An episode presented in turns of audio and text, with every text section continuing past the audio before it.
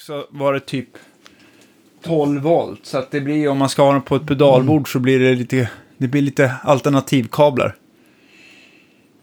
Ja, det är i alla fall inte 15 som här radial. Ja, det är helt värdelöst. Ja, det är det faktiskt. Och sen så tror jag att den drar så här 800 milliampere eller någonting sånt där. Ja, men det kan man ju förstå. Men det är ingen rör i den va? Nej, Nej.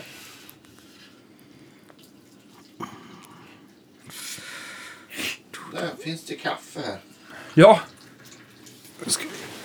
Det är fantastiskt. Och vi- rullar va? Ja,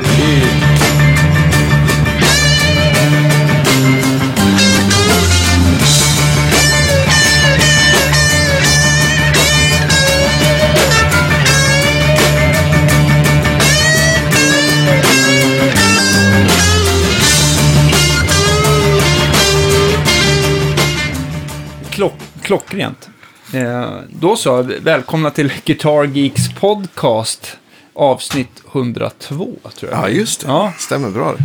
102 veckor i sträck med andra ord. Eh, idag eh, så vill vi välkomna Andreas Rydman tillbaka från Japan. Tack så mycket. Ja, var, var det grymt? Ja, det var helt fantastiskt. Eh, jag har aldrig, det är en helt annan kultur. Jag har liksom aldrig varit någonting som liknar, liknar Japan. Jag har alla, alla som har varit där sa det också att ja, men det, är något, det är en helt annan grej.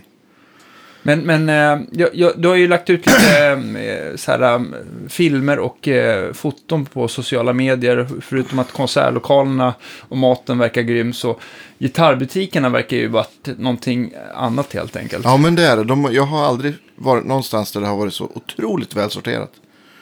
De har ju, ja men, om, de har liksom allt av någonting känns det som. Om de, till exempel på Ishibashi så hade de ett bord med Van Halen-gitarrer. Då hade de liksom inte en typ av Van Halen-gitarr, utan de hade alla färger Peavy någonsin har gjort på hans, Okej. hans eller vad säger jag, eh, Fender är väl som gör hans nya. Ja, just det, och alla gamla så här, Kramer i alla olika finishar och, och så vidare. Och, till så här 200 Les Paul.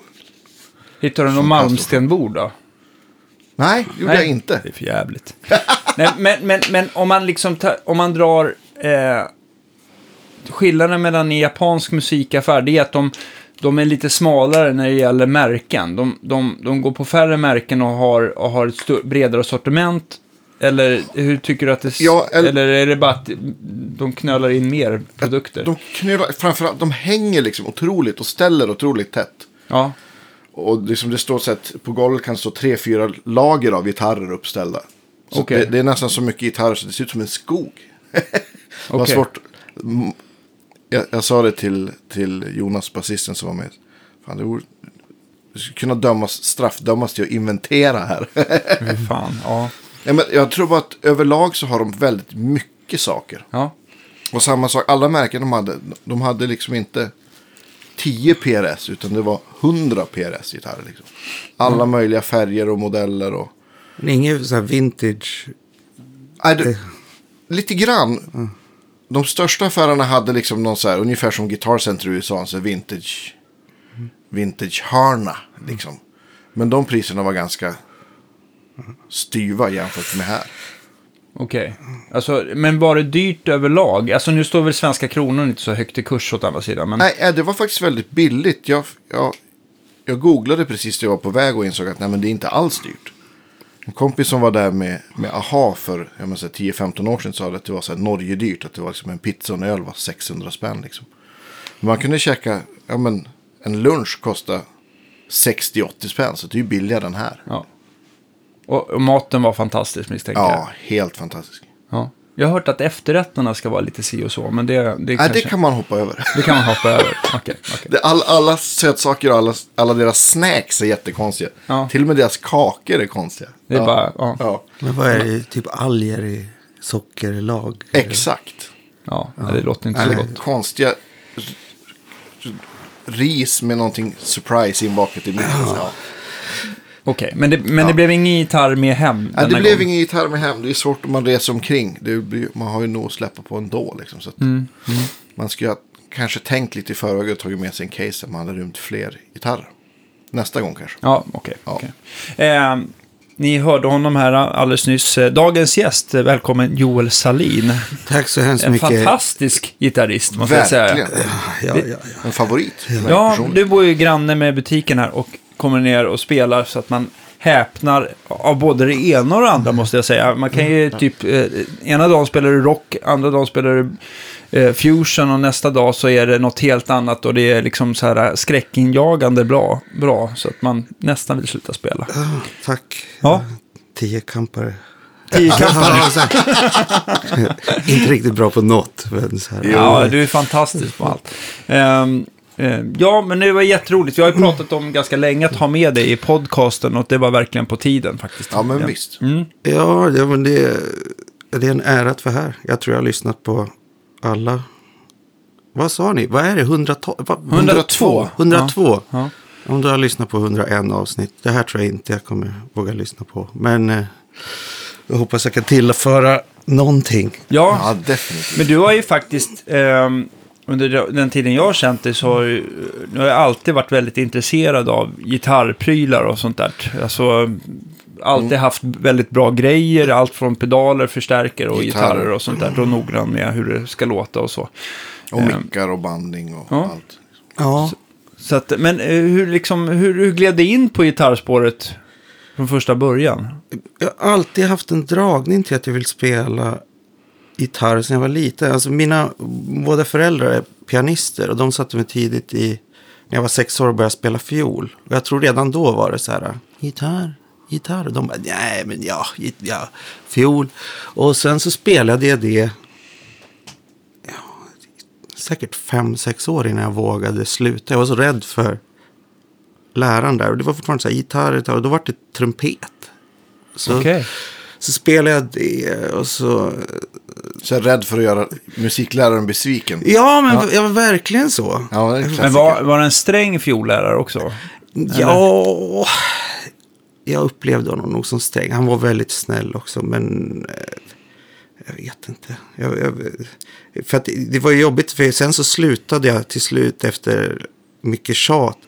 Men eftersom båda, eller, båda mina föräldrar jobbade där på, så jag var tvungen att vara där ändå. Jag kommer ihåg jag gömde mig liksom.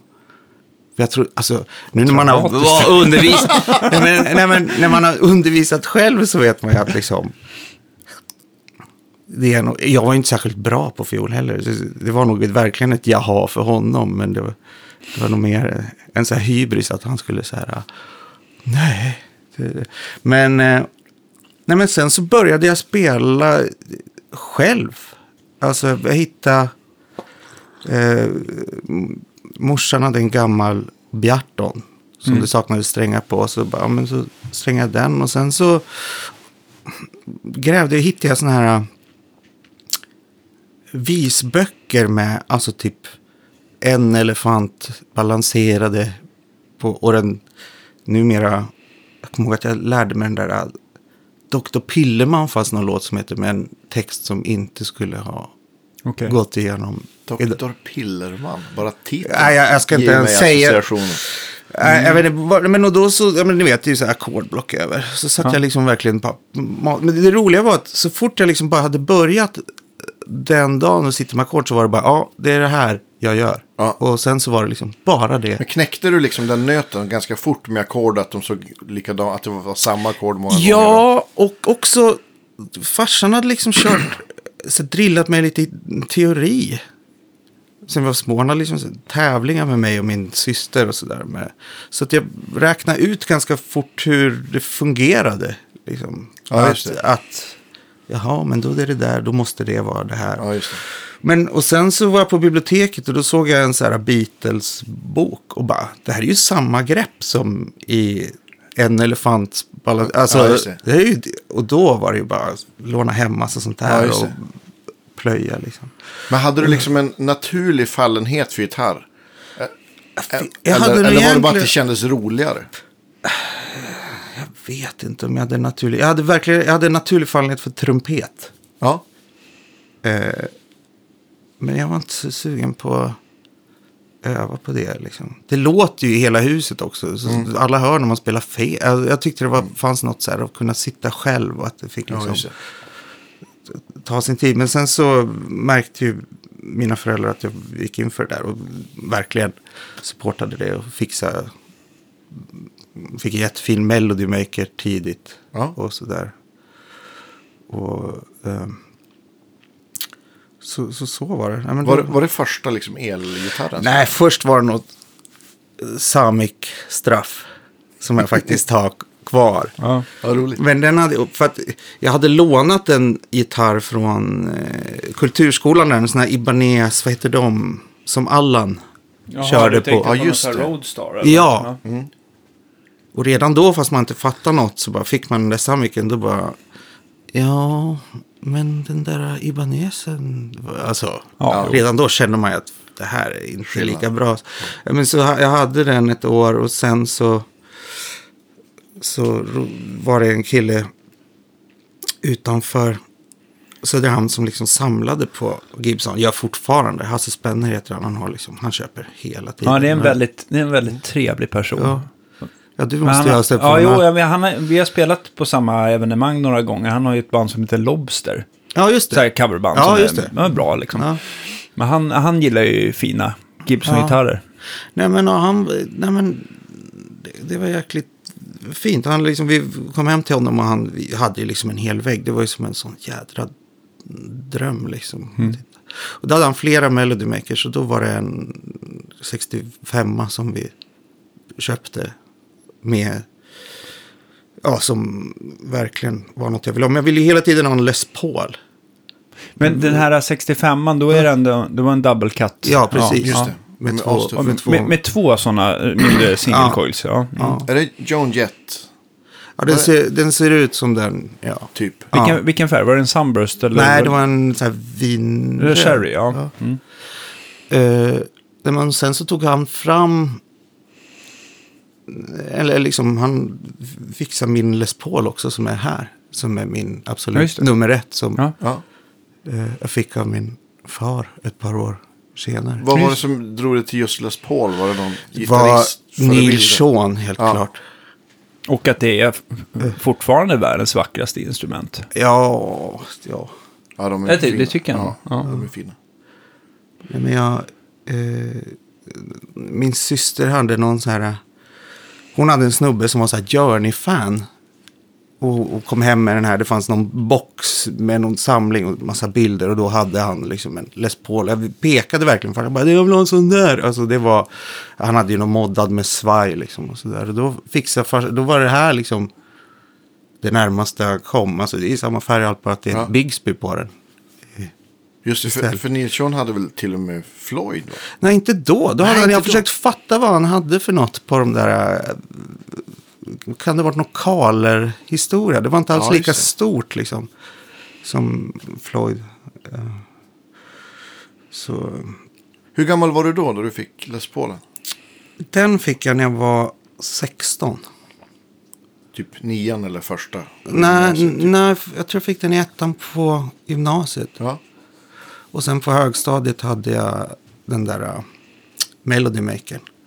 just det. Som jag sen bytte mot en Marshall Valve State, tror jag det var. För att Ja, jag ville ha en Marshall. Affärer Men, men alltså just de här tidiga, det var ju faktiskt, EM översatte väl de här, eng, de här Marshall-katalogerna på tidigt 90-tal till svenska.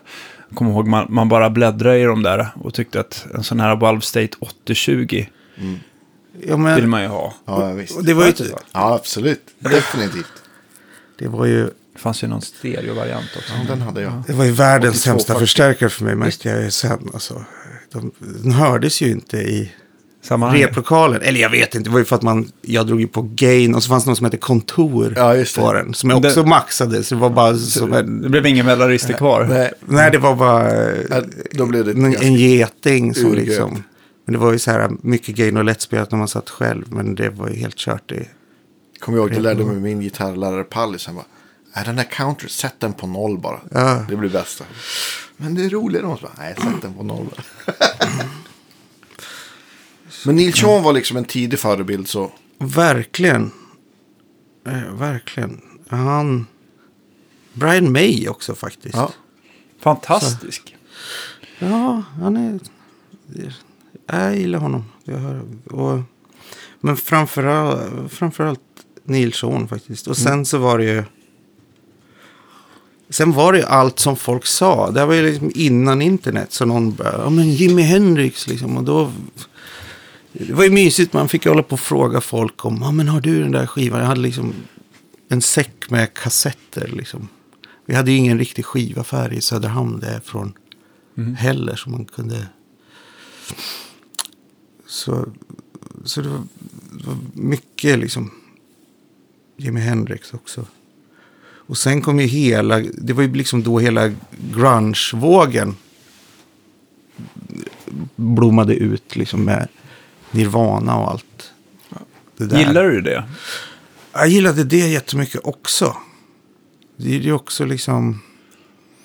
Tidigt så började man ju- just när man knäckte den så här kvintkoden och märkte liksom att man kunde spela hela Nirvana-katalogen med det i stort sett. var också så här mäktig känsla. kommer jag ihåg. Vem hade du som gitarrlärare? Så här, hade du någon? Aha, ja, jag hade ju en fantastisk gitarrlärare som jag liksom... Vi hade först... Först så bara anmälde jag mig till så här... Något studieförbund. Gick några kids. Men sen så började jag gå för... Då var det en kille som precis hade börjat undervisa i sådär som heter Sven Larsson. Okej. Som är liksom... Tips där ute. Sök på Sven Larsson. För att då var det så här... Jag vet ingen typ i världen som har brutalare teknik. Fortfarande, men det fattade jag Okej. ju inte då. Utan då var det bara så här. Jaha, är det så här? Om man är så här på kommunala i Söderhamn. Då får, jag liksom, då får man skärpa sig. Liksom. Men sen har jag ju fattat senare att... Alltså, men det, det är så här Guthrie-teknik. Liksom Jaha, oj shit alltså. eh, fruktansvärt bra. Så, så det var en jädra sporre liksom. Ja. Och han kunde också visa allting. Det var så här, jag kom dit med någon Van Halen, eh, den här For un, Unlawful Carnal, vad heter den här skivan? Ja, Ja, det är någon som, för Fuck. bara, och jag bara, "Ah, jag fattar inte så här. Han kunde liksom bara göra de där grejerna Ja. Direkt, de där tapping, för att han hade liksom Ja. koll på.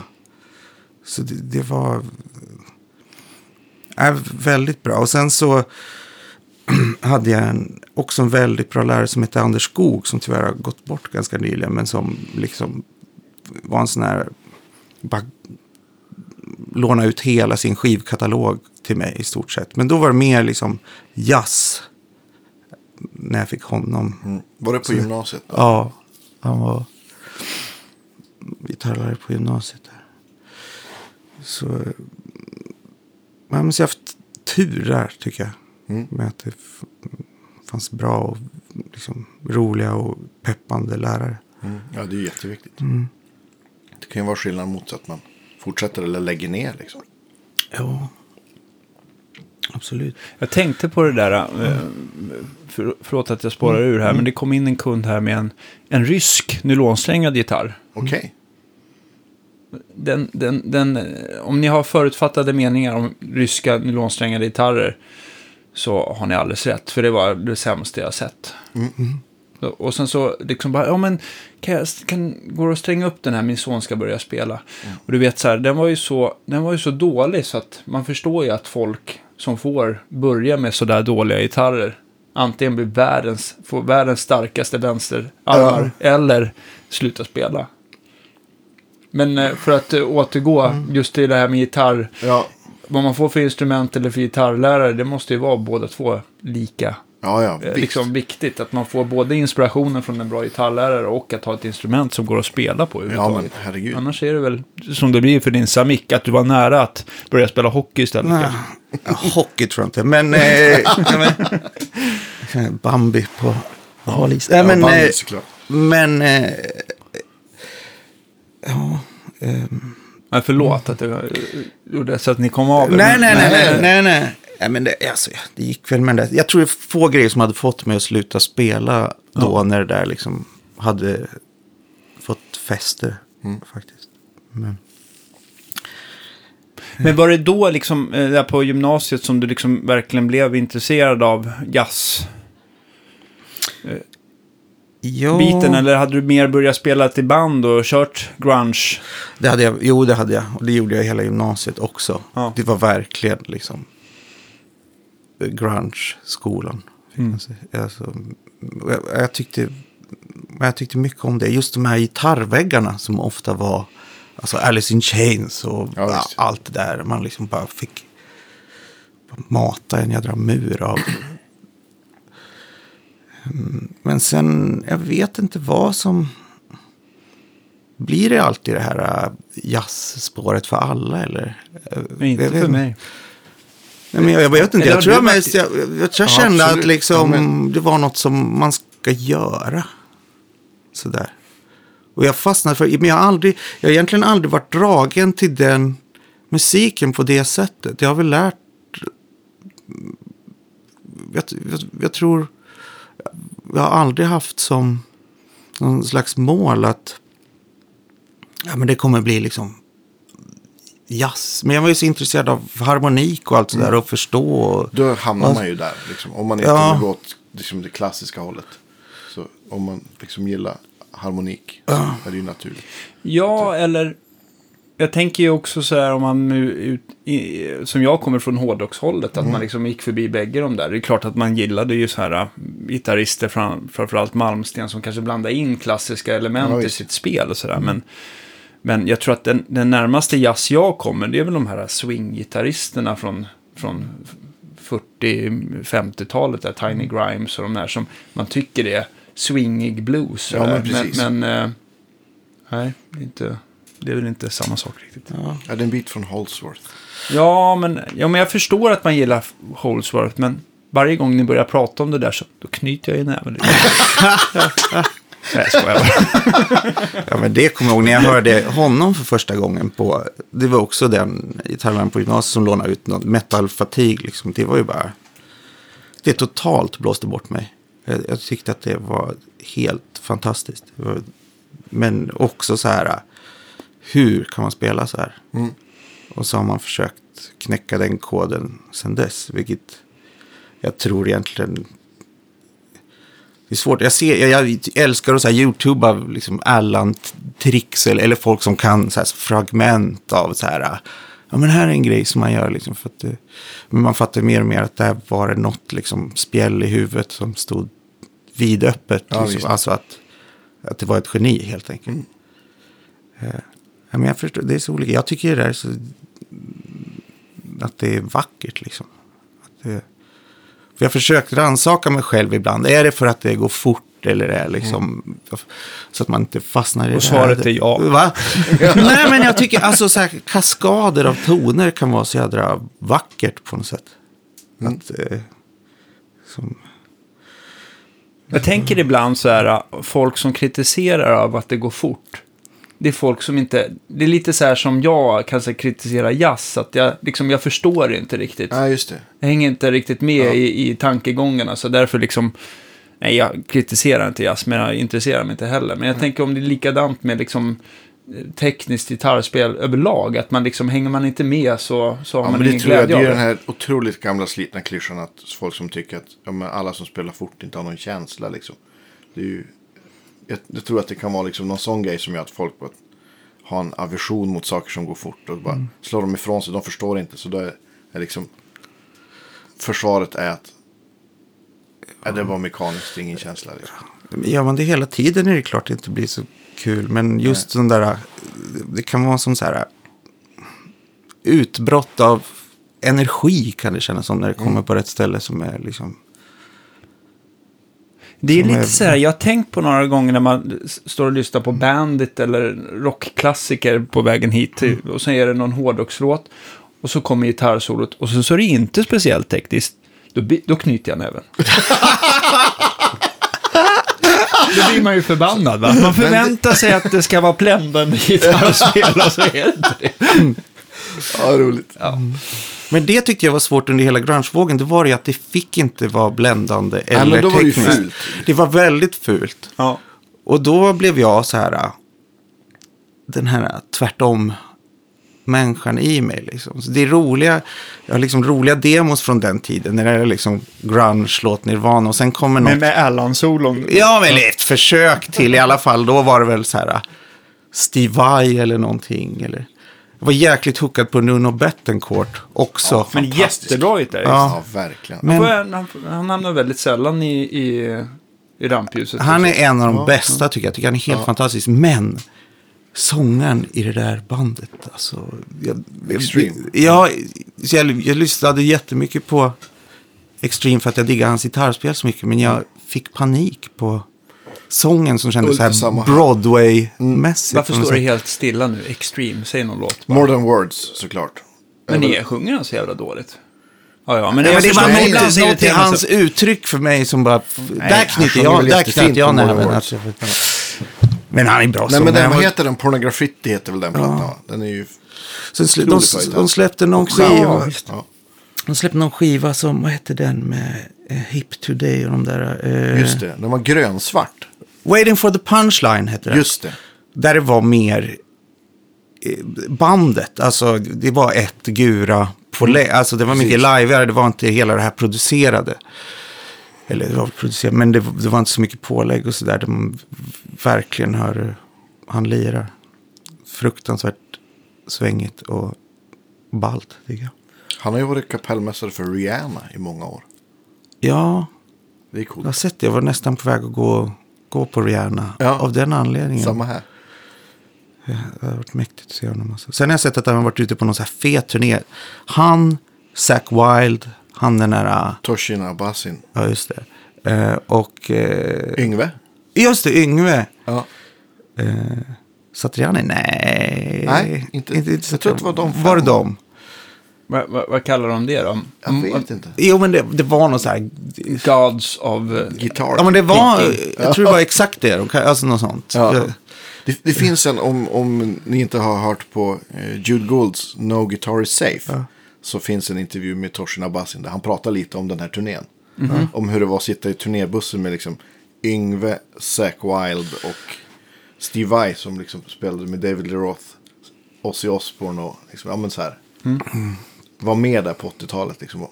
Han bara, "Nej, men det går inte att berätta de storiesarna de berättar här. Han bara, det var en annan tid. Lyssna på det avsnittet, det är väldigt Ja, bra. det måste jag göra. Det måste jag göra.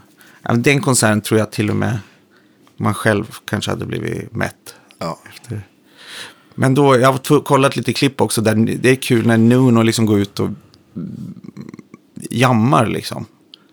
Att det inte bara de här, eh, ofta de här extremsolorna är ju skrivna, de är ju fantastiska och sådär. Men det är kul att bara se dem gå ut och lira på. Hur bra som helst. Mm, Men det, Zack också, alltså, det var ju också, när, när No More Tears släpptes, det var också en sån här grej, vad, vad gick man i då? Man var så här 15 eller någonting. Det var så här, också. Första gången jag började, eh, eller fick upp ögonen för Zack, det var väl första Pride and Glory-skivan tror jag. Ja, det, Ja, den är fantastisk. alla, Det är några undrar, tunga riff där som Ja, och skojar du? jävligt cool. alla undrar vad som hände med honom. Att han blev så här biker och spelade bara nedstämt och så där. äh, Ser jag ofta i så här. Varför spelar han inte som på, på den där Pride and Glory-tiden? Ja, jag kommer inte ihåg vad... Han har väl, eh, vad heter de? Black, Label Society. Just det, just det. Ned, det är nedstämt, men det är fortfarande en massa pla- plektrumflageoletter. Ja, det är det. Ja. Definitivt. Det är hans signum. lite Det är hans signum. Ja. EMG Les Paul med mycket dist. Nu har jag ju ett eget gitarrmärke. Nu spårar vi totalt Ja, ja, men det iväg hem. Det är det vi brukar göra. Ja, men eh, angående det. Jag har haft en eh, sån här Washburn M2. Aha, okej. Alltså Nunos eh, signaturmodell, den billigare. Ja, Han hade väl någon som hette M-net också tror jag. Men det ja var just det. M2. N4 var den dyraste. Ja, precis. Eh, nu har vi sparat igen. Var var vi någonstans? Ja, vi pratade om... Eh, Vi var på Nuno.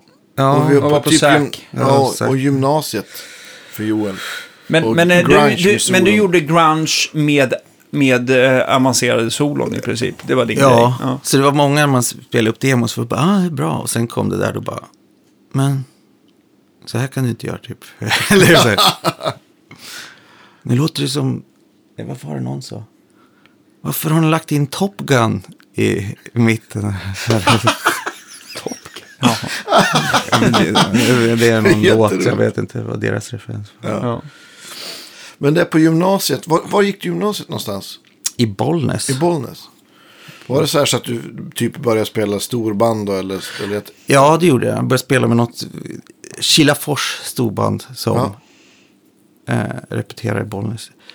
Sjukt bra att spela storband, alltså, tycker jag.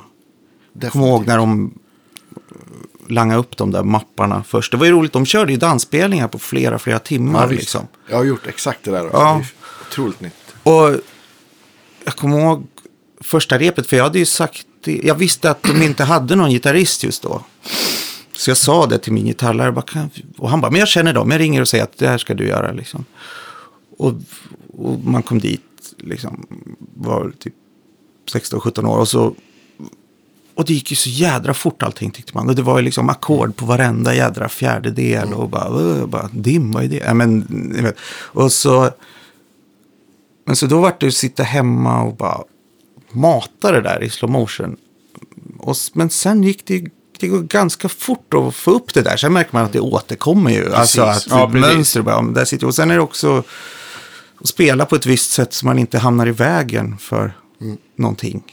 Att, eh, För i storbandsmusik får man ju inte så jättemycket utrymme som solist i eh, att vara gitarrist va? Det är väl Jo. mest för blås. Jo, det kan man, f- det beror på. Om man De- är riktigt envis Ja, ja, men de här spelade ju mest väldigt så här Count Basie. Ja. De, och då är det mycket så här, för upp, för upp, för upp. Alltså Ja. sitta och... Sitta på och fjärde ja, ja, men och, och spela sväng liksom. Vad heter han? Green va? Ja, Grant Green. Ja. Freddie Green. Freddie Green. Freddie Green, ja. Precis. hette han.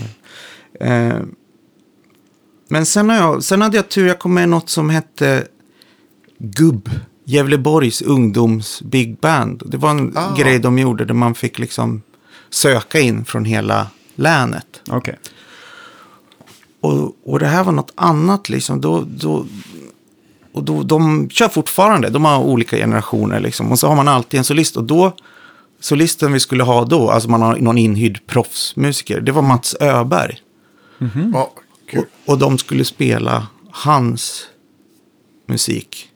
Arras för det här bandet. Och det var så roligt. Då anpassade de liksom arren efter vad vi För det är väl mycket Gjorde. friare än gammal Count Basie.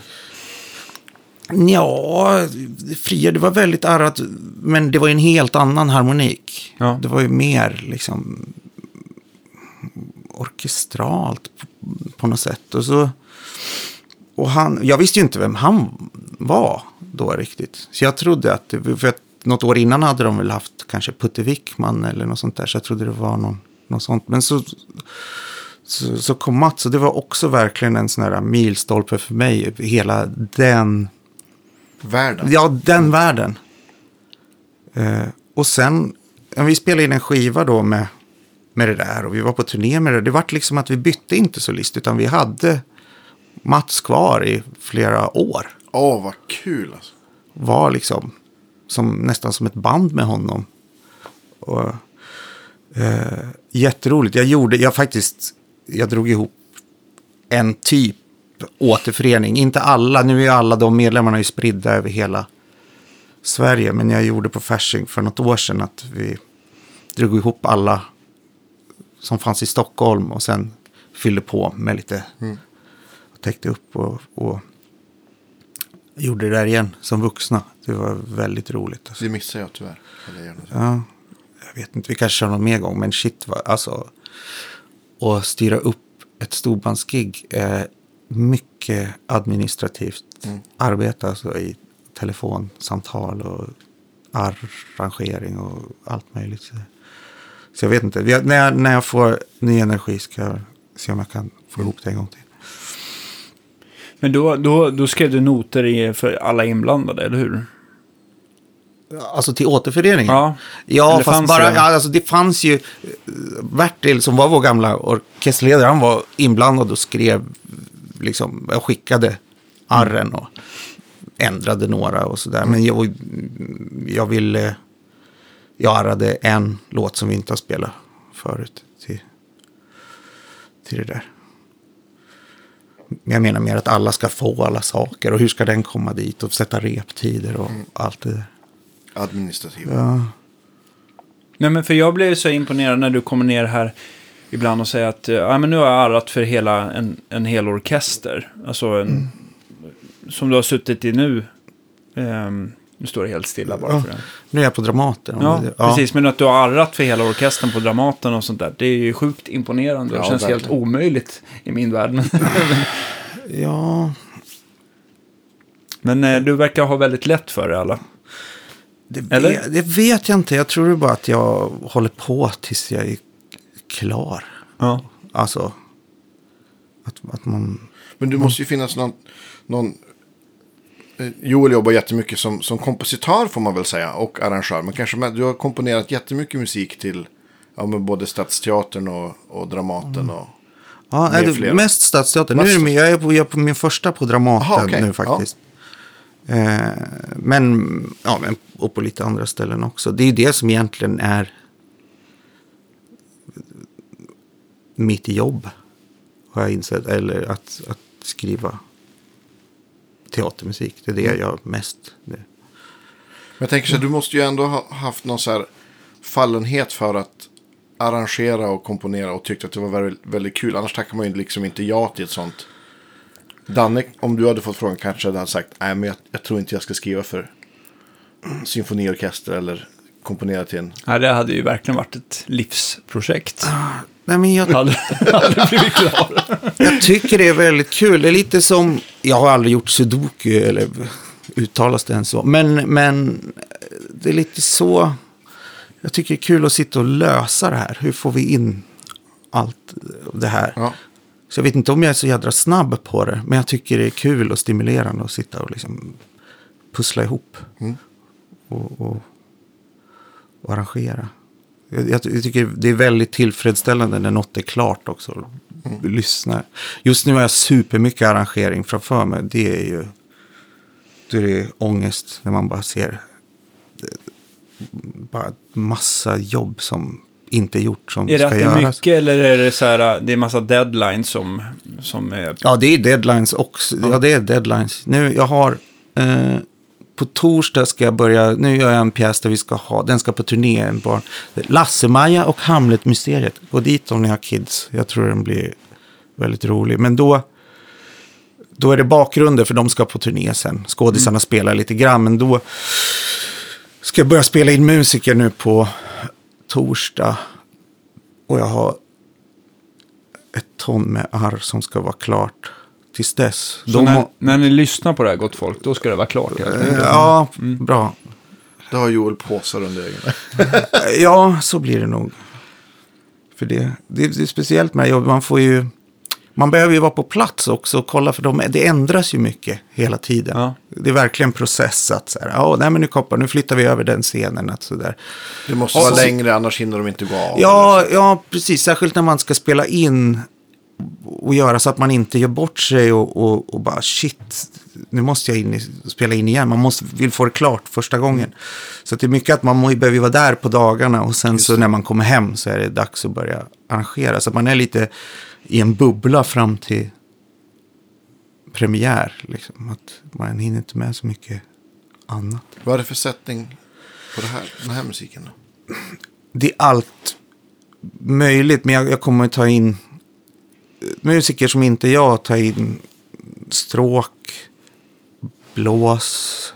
Eh, Det blir de här som du faktiskt, jag rekryterade dem från din release. Ja, det är bra. Gidlund och Olandersson. Ja, de lät så, så himla bra. Nej, ingen Nej. trombon för jag har för begränsad budget. Ja. Så, men... Eh, och sen en snubbe spelar dragspel och så... Eh, jag får nog programmera pianot tror jag tyvärr. Och, och så på torsdag börjar jag spela in trummor i alla fall. Ja. Sen blir det säkert mer saker. Så, så det blir... Det, det är ju en barnmusikteater så att det, genrerna bara spretar åt olika håll. Så. Men när du sitter där och, och, och lyssnar på och de gör ändringar, är det Mm. så här att du, bara, att du känner bara, åh vad kul att nu, nu får jag någonting mer att bita i, eller knyter du näven, eller blir du rasande och skäller ut dem? Jag har gjort världens bästa outro. Ja. Ja, men så har det ju varit. Det har varit mycket så här ajöss till det där. Men... Att du säger upp det på stående fot? Nej, nej. Nej, men där får man faktiskt bara bita ihop. Det är ju, för jag kan ändå se att ja, men nu, nu det blir en bättre föreställning. Ja. Men ibland kan scener kastas om och ens bygge blir lite lidande. Alltså att man planterar ett tema där och så kommer det där och så kommer, alltså att musiken har en linje som publiken kan följa med i, tänker jag. Att det är undermedvetet. Liksom. Men så kastas någonting om och så fallerar det där bygget. Det kan vara svårare för då behöver man liksom kasta om mera saker runt omkring för att det, det ska bli dynamiskt eller och att så. Men nu har du varit på plats. Har du gjort då? Du har gjort typ demos och så har ni liksom jobbat utifrån dem och då, då, då ni då har bestämt längder och grejer och Ja. då spelar du in det på riktigt. Är det så det går tillväga? Ja, Eller? jag gör i superenkla demos.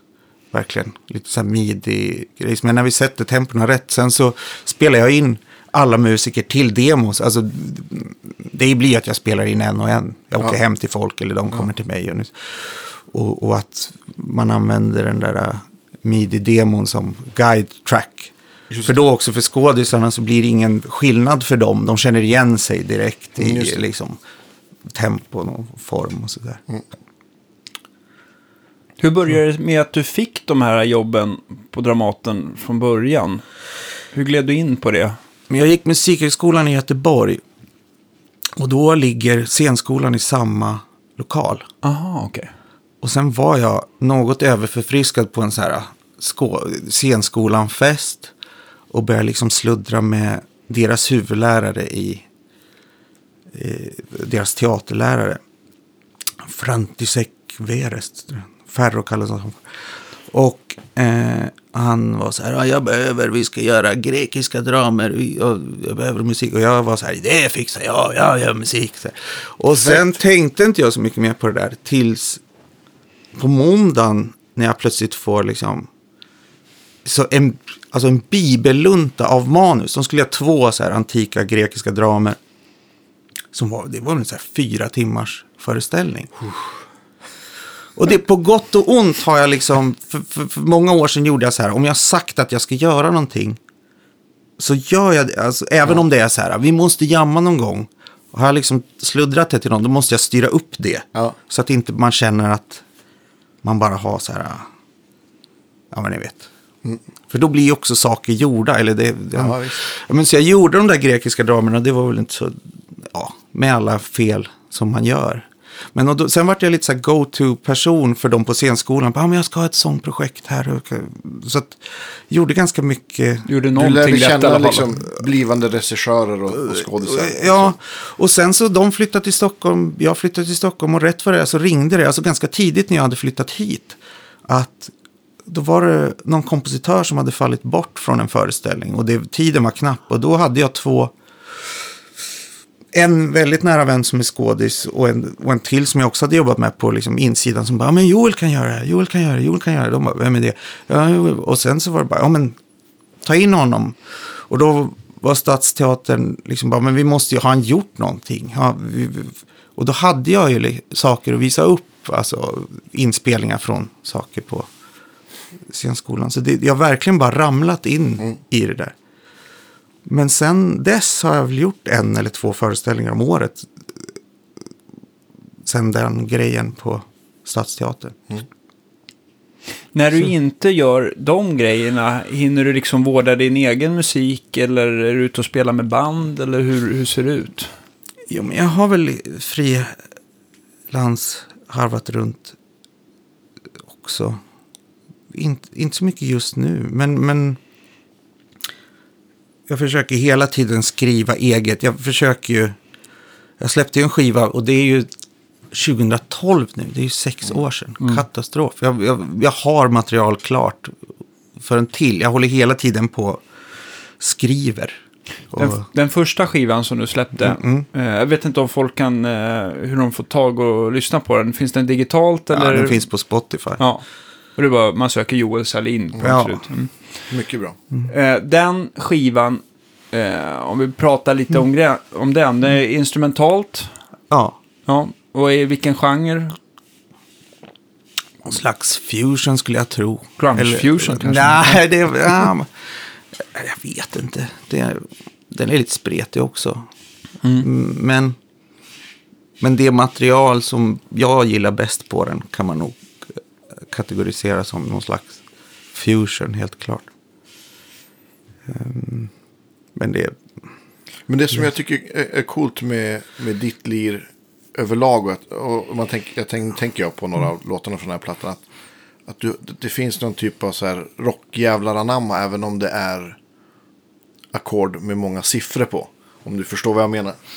Tycker, det, det, det känns, för mig är det någon sån här att, det, att du har tagit med dig det från så här Neil Sean. Att liksom, fast blandat in liksom Allan och allt annat du har gjort. Liksom, i det. det här är en, en komplimang. Jag Ja, ja, Ja, det är, verkligen, ja, det är verkligen en komplimang. Alltså, för det är väl lite vad jag försöker med. Jag gillar ju när gitarr är gitarr. Jag tyckte det... Eh, jag kommer ihåg när den lampan tändes när jag gick på musikhögskolan. Att jag får ju faktiskt... Ja, men ni vet, man höll på att spela jazzgitarr. Inge, eh, inga, ingen overdrive någonting. Man slutade använda vibrat och så här. Att, För man tänkte att det skulle vara så. Och sen när man fattade att jag får ju faktiskt använda det här som är hela, göra hela min bakgrund Ja, över det här. Då plötsligt så vart det ju någon typ av uttryck från att, eh, att det varit ganska stendött. Liksom. Ja. Att det, Men för det, det tycker jag är liksom din stora styrka. Och det gör mig alltid asglad att höra dig live eller lyssna på, på din musik. För att du har liksom, du har någon typ av, och brinn och jävla namma. Och det är inte så, det kan, det, det som jag kan tycka om är så här gitarr, fusion musik. Att det kan bli lite för, särskilt på platt, att det blir för, för städat och för snällt. Det är så här tillrättalagt på något vis, jag vet inte. Och jag, jag gillar ju om att det, att det är lite, men det är det, nog det som jag också har verkligen... man, man eh, hör att du grimaserar då du spelar. Nej, men det är jävla namma när du, när du spelar Joel. När du sitter här, att man känner att det, liksom, det är någon som verkligen river tag i instrumentet. Det Ja, är, visst. det är verkligen inte polerat och tråkigt. Och jag tycker inte att det är så här att din jävla namma går ut över spelet. Att Nej, det blir verkligen som att du missar eller att det, att det känns sloppy någonstans. För det gör det inte heller. Det känns bara som att det är, det är, det är fusion med attityd när du sätter den sidan. det är jätteroligt att höra. Men för att jag har alltid gillat det själv. Så här, som folk som har lite edge eller vad det kallas. Som till Ja, exempel ja, men Van Halen som jag pratar mycket Mm. om. Tycker jag är ett sånt exempel där man känner att så här, fan det här skulle kunna tippa över. Liksom. Men det gör inte det. Mm. Ja. Neil Sean är också en väldigt sån som där det liksom... Bärande brister. ja. ja. Jag hellre så spelar jag... Jag chansar hellre att spela riktigt dåligt ibland. Alltså min lägsta nivå är ju, alltså, kan ju vara katastrof. Ja, den har du inte visat här. Nej, men tack. Men jag tycker alltid jag hör det om någon. Safear. Det tycker jag är kul när jag var och såg... Jag har varit sett Scofield ett antal gånger. Där, han har alltid det där tycker jag. Han Alltså, har alltid en dålig dag. Nej, nej, nej, men han, är all, nej, men han, är alltid, han är alltid hungrig Precis. efter alla dessa år. På tal om hunger, jag kommer. Ja. Ja, och jag tycker, Scott Henderson har ju det där också. Mm. Det är bara... Nu. Oj, nu börjar, Danne börjar prassla i påsar här. Här. Oj, frukost. Ja, men, tackar. Nu, nu har vi liksom ut, utökat från att vi sörplar kaffe till att vi också börjar... Oj, börja, Vad vill ni ha? Vill ni ha, vill ha, live vill ha, vill ha vanilj eller kanel? kanel gärna. Var det David Sundberg som kom med de här Ja. bullarna? Han, han tyckte att vi behövde lite Men det var, så, sponsor till nu har jag ett ansikte på, det är han som gjorde Ja. de där fina. Sundberg-gurorna. Ja, de är helt okej. Nej, de är, de är fantastiska. Han har ju haft i podden också för er som är nyfikna Ja, på hur... Ja, Ja, visst. Väldigt bra mycket trevligt. avsnitt.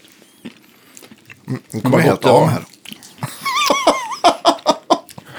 Folk, jag vet inte, folk tyckte att det var roligt att, att vi hade helt oredigerade avsnitt fram tills idag. Exakt. Alla pratar med stor tugga bulle. Men... Ni kommer få redigera mina tankepauser. Nej. Nej, nej, nej. Jag är orolig att jag, jag, jag är så orolig att jag gör massa ljud. Jag, eh, jag pratade, jag var på Rytmus häromdagen och pratade om teatermusik. Att skriva för teater. Och då märkte jag, jag har inte tänkt på det, men Så fort jag behöver tänka, det är ju svårt, man står och bara pratar och pratar. Ja. Jag hade tre personer som låg och sov i första raden. Så här. Men de kom in tidigt, satte sig, lutade sig mot varandra och liksom hade knoppat av. De visste att de hade två timmar först. Men då, då märkte jag att jag gör så här ljud så fort jag tänker så här. Och då kan man, eh, det här tänker inte jag på, men det här tyckte ju kidsen var fruktansvärt roligt. Alltså. Jag fick en riktig sån här uppvarning. Bara, Vad fan är det som är så... Så ni får klippa bort allt det där. Nej. Jag har inte tänkt på det. Det ska vi inte någon annan har tänkt på det heller. Eh, jag har ju den egenskapen när jag ska, när, eh, det har ju du råkat ut för däremot, när, man, när, man, när jag spelar gitarr och, och har en sångmick, att jag ljudar väldigt mycket. Mm. Absolut. Ja, och det låter ju sällan speciellt bra. Men det är kul. Det är kul. Ja. Nog om det. Det är Ja, du och Keith Jarrett. Ja. Nej, men Ja. jag, det du snackade om där, att, att, liksom, att, att du kom på att jag kan ju faktiskt typ göra som jag vill. Att du liksom knäckte den nöten. Jag tror att, jag så här, särskilt om man håller på att plugga musik så, så tänker man nog kanske ofta så här, hur det ska vara, inte vad man vill göra kanske, till att börja med. Att man, man är så inne på att kanske lära sig. Jag har tänkt Låta mycket på det där, om det, är en, liksom. om, om det är en utvecklingsfas man behöver ha. Det tror jag. Men, men för mig var det jobbigt då, för då blir det liksom att bara, nej men nu ska jag vara sån här. Så rycker man undan allting som är ens grund egentligen på något sätt. Och så är man där ute och simmar i Rosjön där och liksom, man märker att det fäster aldrig riktigt på liksom. Ehm, svårt. Absolut. Framförallt ska man väl göra, jag tror att musik... Förlåt, jag bara tuggar och äter bulle samtidigt. Nej, men jag, min teori är att musik blir liksom bäst om man gör någonting som man verkligen älskar. Liksom. Oavsett vad det är för genre eller hur hippt det är eller vad andra tycker. Så om det kommer från hjärtat så tror jag att man gör den musik som... Då, då presterar man sitt bästa liksom. Ja, men, det, ja, men det var någon som sa det att liksom, om du inte... Det tror jag stenhårt på. Att, att om man, in, man måste få en kick av det man gör själv. Eh, jag tror inte på det här bara, jag gör konst, jag vet inte om det andra får bedöma om det händer någonting. Ja, jag, jag, tror att mm, för att det ska, om det slår an en sträng hos sig själv, liksom, då, då kommer det göra det hos andra också. Jag tycker tydligt det är att sådana som jag har tyckt om själv, där jag bara känner att det är så här. Det finns många musiker som jag har lyssnat på, som jag sen har träffat så här och, och märker att jag tycker också att jag kommer bra överens med dem. Det är bara det. något i spelet som jag liksom fattat nästan vad det här är för en. Bra iakttagelse. Jag tänkte på din första skiva där. Eh, Mm. Har du kvar liksom samma gitarrprylar som eh, att spela med idag? Eller har det liksom varit en hög omsättning av både instrument och förstärkare? Ja, det vet ju... Det, det, Ja, jag du vet, att jag, vet, jag försökte lägga upp Ja, det. ja, ja, men det, okej. Det vet du ju. Svaret klart. Kul för Nej, men eh, det är jäkligt hög omsättning i perioder. Ja. När jag har pengar och inte så mycket annat. Det är alltid så att har jag en period där jag inte gör så mycket, då, då den där, den där liksom hobbyn får man nästan säga finns alltid där, latent, väntande på liksom.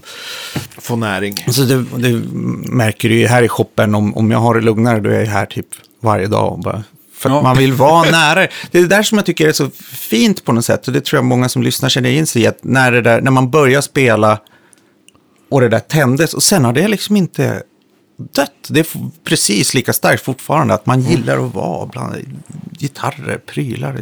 Ja, visst. men i grunden så är det ungefär samma saker som jag kommer tillbaks till som är jag. Liksom. Den här Les Paulen har jag haft så länge. Så Jag tar fram den. Ja. Ja, men det, jag tror inte den syns i radio. Men, Men, Nej, den- men vi kan prata lite Den får vara med på prof, alltså bild, profilbilden, här, på, så, avsnittsbilden. Ja. Ja, men ta fram den. Det är roligare att prata om den om, vi ser den. Och det här är alltså den Gibson-gitarren som din pappa köpte. Ja, och det var liksom... Jag vet inte... Vi måste skaffa en bättre gigbag som, som går att öppna. Mm. Nej, ditåt alltså. Okej, ja, vi ser. Ja. ja, just det. Den har du haft här någon gång. Ja, en 70-talsstandard. Nej, Eller? 1980. 80. Mm. Eh, den är tung som bly. Mm. Och har väl sabbat min rygg hyfsat tror jag. Eh, Men det är det värt. Det var så svårt sen när man liksom skaffade lätta gitarrer. Det kändes som leksaker liksom. För man var van att det liksom skulle kännas så här. Jag kommer ihåg, jag kommer ihåg, eh, nu spårar jag igen. Jag, jag hade en, när de kom, så skaffade jag mig en sån här Parker Fly. Ja, just det. Med genomgående hals. De var väl aslätta. Ja. Och det tänkte man så här, wow, fan vad lätt, det här är ju asskönt. Men det blev inte alls skönt, för att när man spelar på den, då var det, det blev så lätt så att den liksom fladdrade. Det var rätt skönt. att den rörde sig, liksom. Ja, men liksom den rörde, man spelar, om man kanske spelar väldigt lugnt och försiktigt med Mm. tunna plektrum, då kanske den höll sig på plats. Men, men det gjorde inte jag. Jag hade ganska hårt anslag. Ehm, så att jag förstår vad du menar, att, det, att eh, man vet vad man har en sån där tung Ja. gitarr. Ja, ja visst. Eh, ja, men sen, jag har ju moddat den. Ja. Det har jag gjort med alla instrument jag har. Så Kan, nu, man, kan man säga att du led, lider av GMS, Gear Modification Syndrome? Det gör jag nog. Ja. Mer än Ja, det det. kan jag- det kan mer mer på. än det. Alltså, jag, jag, jag moddar allt. Jag tycker Mm, det är det. jätteroligt att Ja. försöka liksom. Förbättra eller Ja, precis. göra mer personligt. Och Jag tycker banne med att det blir bättre också. Mm. Så den här eh, Va, om vi börjar då, vad är original? Fortfarande var det. eh, trä. Ja, det är det. Stall? stall? Nej. Nej. Ja, du har Bigsby på den. Ja. Och sen så vet jag inte om själva av det här ABR-stallet eller vad du nu har. Det här, Ja, det är det här i stål. Vilka är det som gör det? Callahan. Det för er som har, vad heter det, Tunomatic. Ja. Sätt på ett sånt, alltså, tycker jag. Eh, Jag vet inte om det hörs här. Om jag tar något... Eh, Nu är det med lostämmen. Hör ni den här... eh, Det blir lite den här Spinal Tap-sustainen. Ja, men alltså, det blir nästan som ni vet när man har fingret på ett vinglas. Ja, jag förstår. Alltså jag, jag märkte att det var en kvalitet som kom på den här, Ja. som jag inte hade innan. Alltså övertons... ja, nu gör jag det igen här, ska vi se. det blir som en sketch. Ingen har någonting. I love it. Det är jag- små grejer, men plötsligt märker jag liksom att eh, jag, jag är ute efter liksom övertoner och glitter i liksom. Och, Men jag, jag tycker också att det kan, med, med de här Callahan-stallen har jag märkt att jag tycker det blir någonting också som försvinner lite i dem. Som att jag tycker att det försvinner lite värme ur klangen. Alltså i ja, basregistret. det, det är mycket. Alltså, jag, Men jag Glöm mitt tips, ni som gillar värme, för jag är ju så här, rostfritt stålband direkt Ja. på allt. Eh, jag är ute efter liksom topp, alltså eh, diskant. Just det. Så, eh, ja, men så det, det jag bytt, mickarna är efter, jag vet inte hur mycket, hur många handbacker som har suttit i den här. Nej. Från början satt det ju såna här uh, T-top, heter de så? Ja, just det. Gibsons T-top. Ja. Och sen har det suttit allt möjligt liksom. Och de, är, de behöver inte vara allt för hemska de här gamla T-top-mickarna. Nej, jag bytte nog mest för att byta. Ja. Det, här var, det var länge sedan jag började byta, men sen så... Men efter mycket om så köpte jag såna här JM Rolf. Mm, just 57 som jag helt... Det är liksom verkligen... Du har hittat hem. Den, ja, det, det är verkligen hittat hem för mig. Så det, de har på flera. Svindyra tyvärr. Nu, jag håller på att ska köpa sådana till PRS när jag köpte Ja, av dig för ett det, tag sedan. Eh, Och sen, de är också splittbara så att liksom man kan... Men, Ah, men, Jimmy men, jag måste, alltså nu är vi inne på, Jim Rolf han gör ju sådana här, som ni hörde då, 57, alltså riktiga paffkloner och sånt där. Man har, eh, jag har ju aldrig varit någon så här handbacker-kille själv. Eller jo, det har jag visst, men inte på senare år. Jag har alltid uppskattat Strattans eh, kvaliteter eller P90 och sånt där. För att jag tycker ofta solen går i moln på handbackers på bassträngarna framförallt. Men nu har, det faktiskt, nu har jag faktiskt fått prova många av de här paff-replikerna. Eh, både åt Roffe Wikström och eh, Micke Nord och... Eller det har varit en drös med kunder. Och även till dig Andreas som har provat lite fram och tillbaka. Eh, och det är många som är bra där ute. Jag tycker Jim Rolf är verkligen, verkligen bra. Men det som har varit... Eh, det som har varit lite med dem, det är att om man ska spela väldigt mycket high gain, att de kanske har varit lite mikrofoniska. Vilket är också en kvalitet. Ja, det, jag tror jag gillar det. Ja. De, de är inte vaxade eller... Nej, precis. Eh, men jag, jag måste också få slå ett, slå ett slag till en mix som, om man nu inte har riktigt samma budget, för att Jim Rolf, då är det väl uppe på en två och ett halvt per mick, eller två, två och ett halvt va? I alla fall, jag tror jag betalar 6 000 för dem. Ja, precis. Ja, det räcker då inte. Eh, och Throwback är också väldigt dyra, men jag Det tycker de här fem. OX4 som jag har tagit hem har varit jäkligt bra. Ja, men fick, du, det har, jag, har du sagt. Att de är liksom... de är fantastiska. Sen så måste jag säga, jag fick eh, höra nya Lundgren, eh, Björn Julsättet. Jaha, har de gjort ett handbackerset? Ja, två stycken. Det här är det som är medium. Och det tyckte jag var så bra för att den är inte alls så bumlig och basig halsmicken utan Just den är det. ganska klar. Och så en stallmick som har lite mer knuff då. ehm, I framförallt mellanregistret utan att va, låta som en het och handbacker. ehm. Coolt. Den, det ehm, tycker jag också har varit två. Eh, om man inte vill ha fullt så vintage. Men de här Jim Rolf är jätte, jättebra. Jag ska plugga in den här sen och kolla om jag minns rätt. Och eh, nej, men sen när jag bytt, stämskruvarna är låsbara. Ja. Det sätter jag också på allt. Så att, eh, för Vad, att, vad kör du på då? Vad är det? Goto va? jag vet faktiskt inte vad det Om men det är. där måste vara japanska Goto. Ja, det är De har den här typ, det är ju tulips, single ring tulips och de... Nej, det måste vara det. Och det här är ju sådana som har liksom som en liten mej, alltså r- platt mejsel eller Ja, eh, precis. så på ovansidan Precis. man får liksom... De spänns av att man stämmer upp. Ja, precis. Ja. Hur, kan, hur funkar de? Hur lå- låser man dem? Eller vad är liksom... Nej, men de, de, de, det är lite som PRS också hade ju sådana stämskruvar förut. Du vet de här som var de stora Men svarta på ovansidan som hade som en liten vinge. Ja. De är ju så att du, du, du där, de kunde ju för sig spänna av utan något verktyg. Ja. Men däremot när du lade i strängen så liksom, så, så liksom låste den sig själv av, av strängdraget. Ja, kanske. Och de där gör väl likadant helt enkelt. Ja. De gängar sig själva, eller gängar fast sig själva. ja, så får man liksom hålla emot lite. Det räcker med tummen, alltså när man skruvar ner. Men då du stämmer händer ingenting?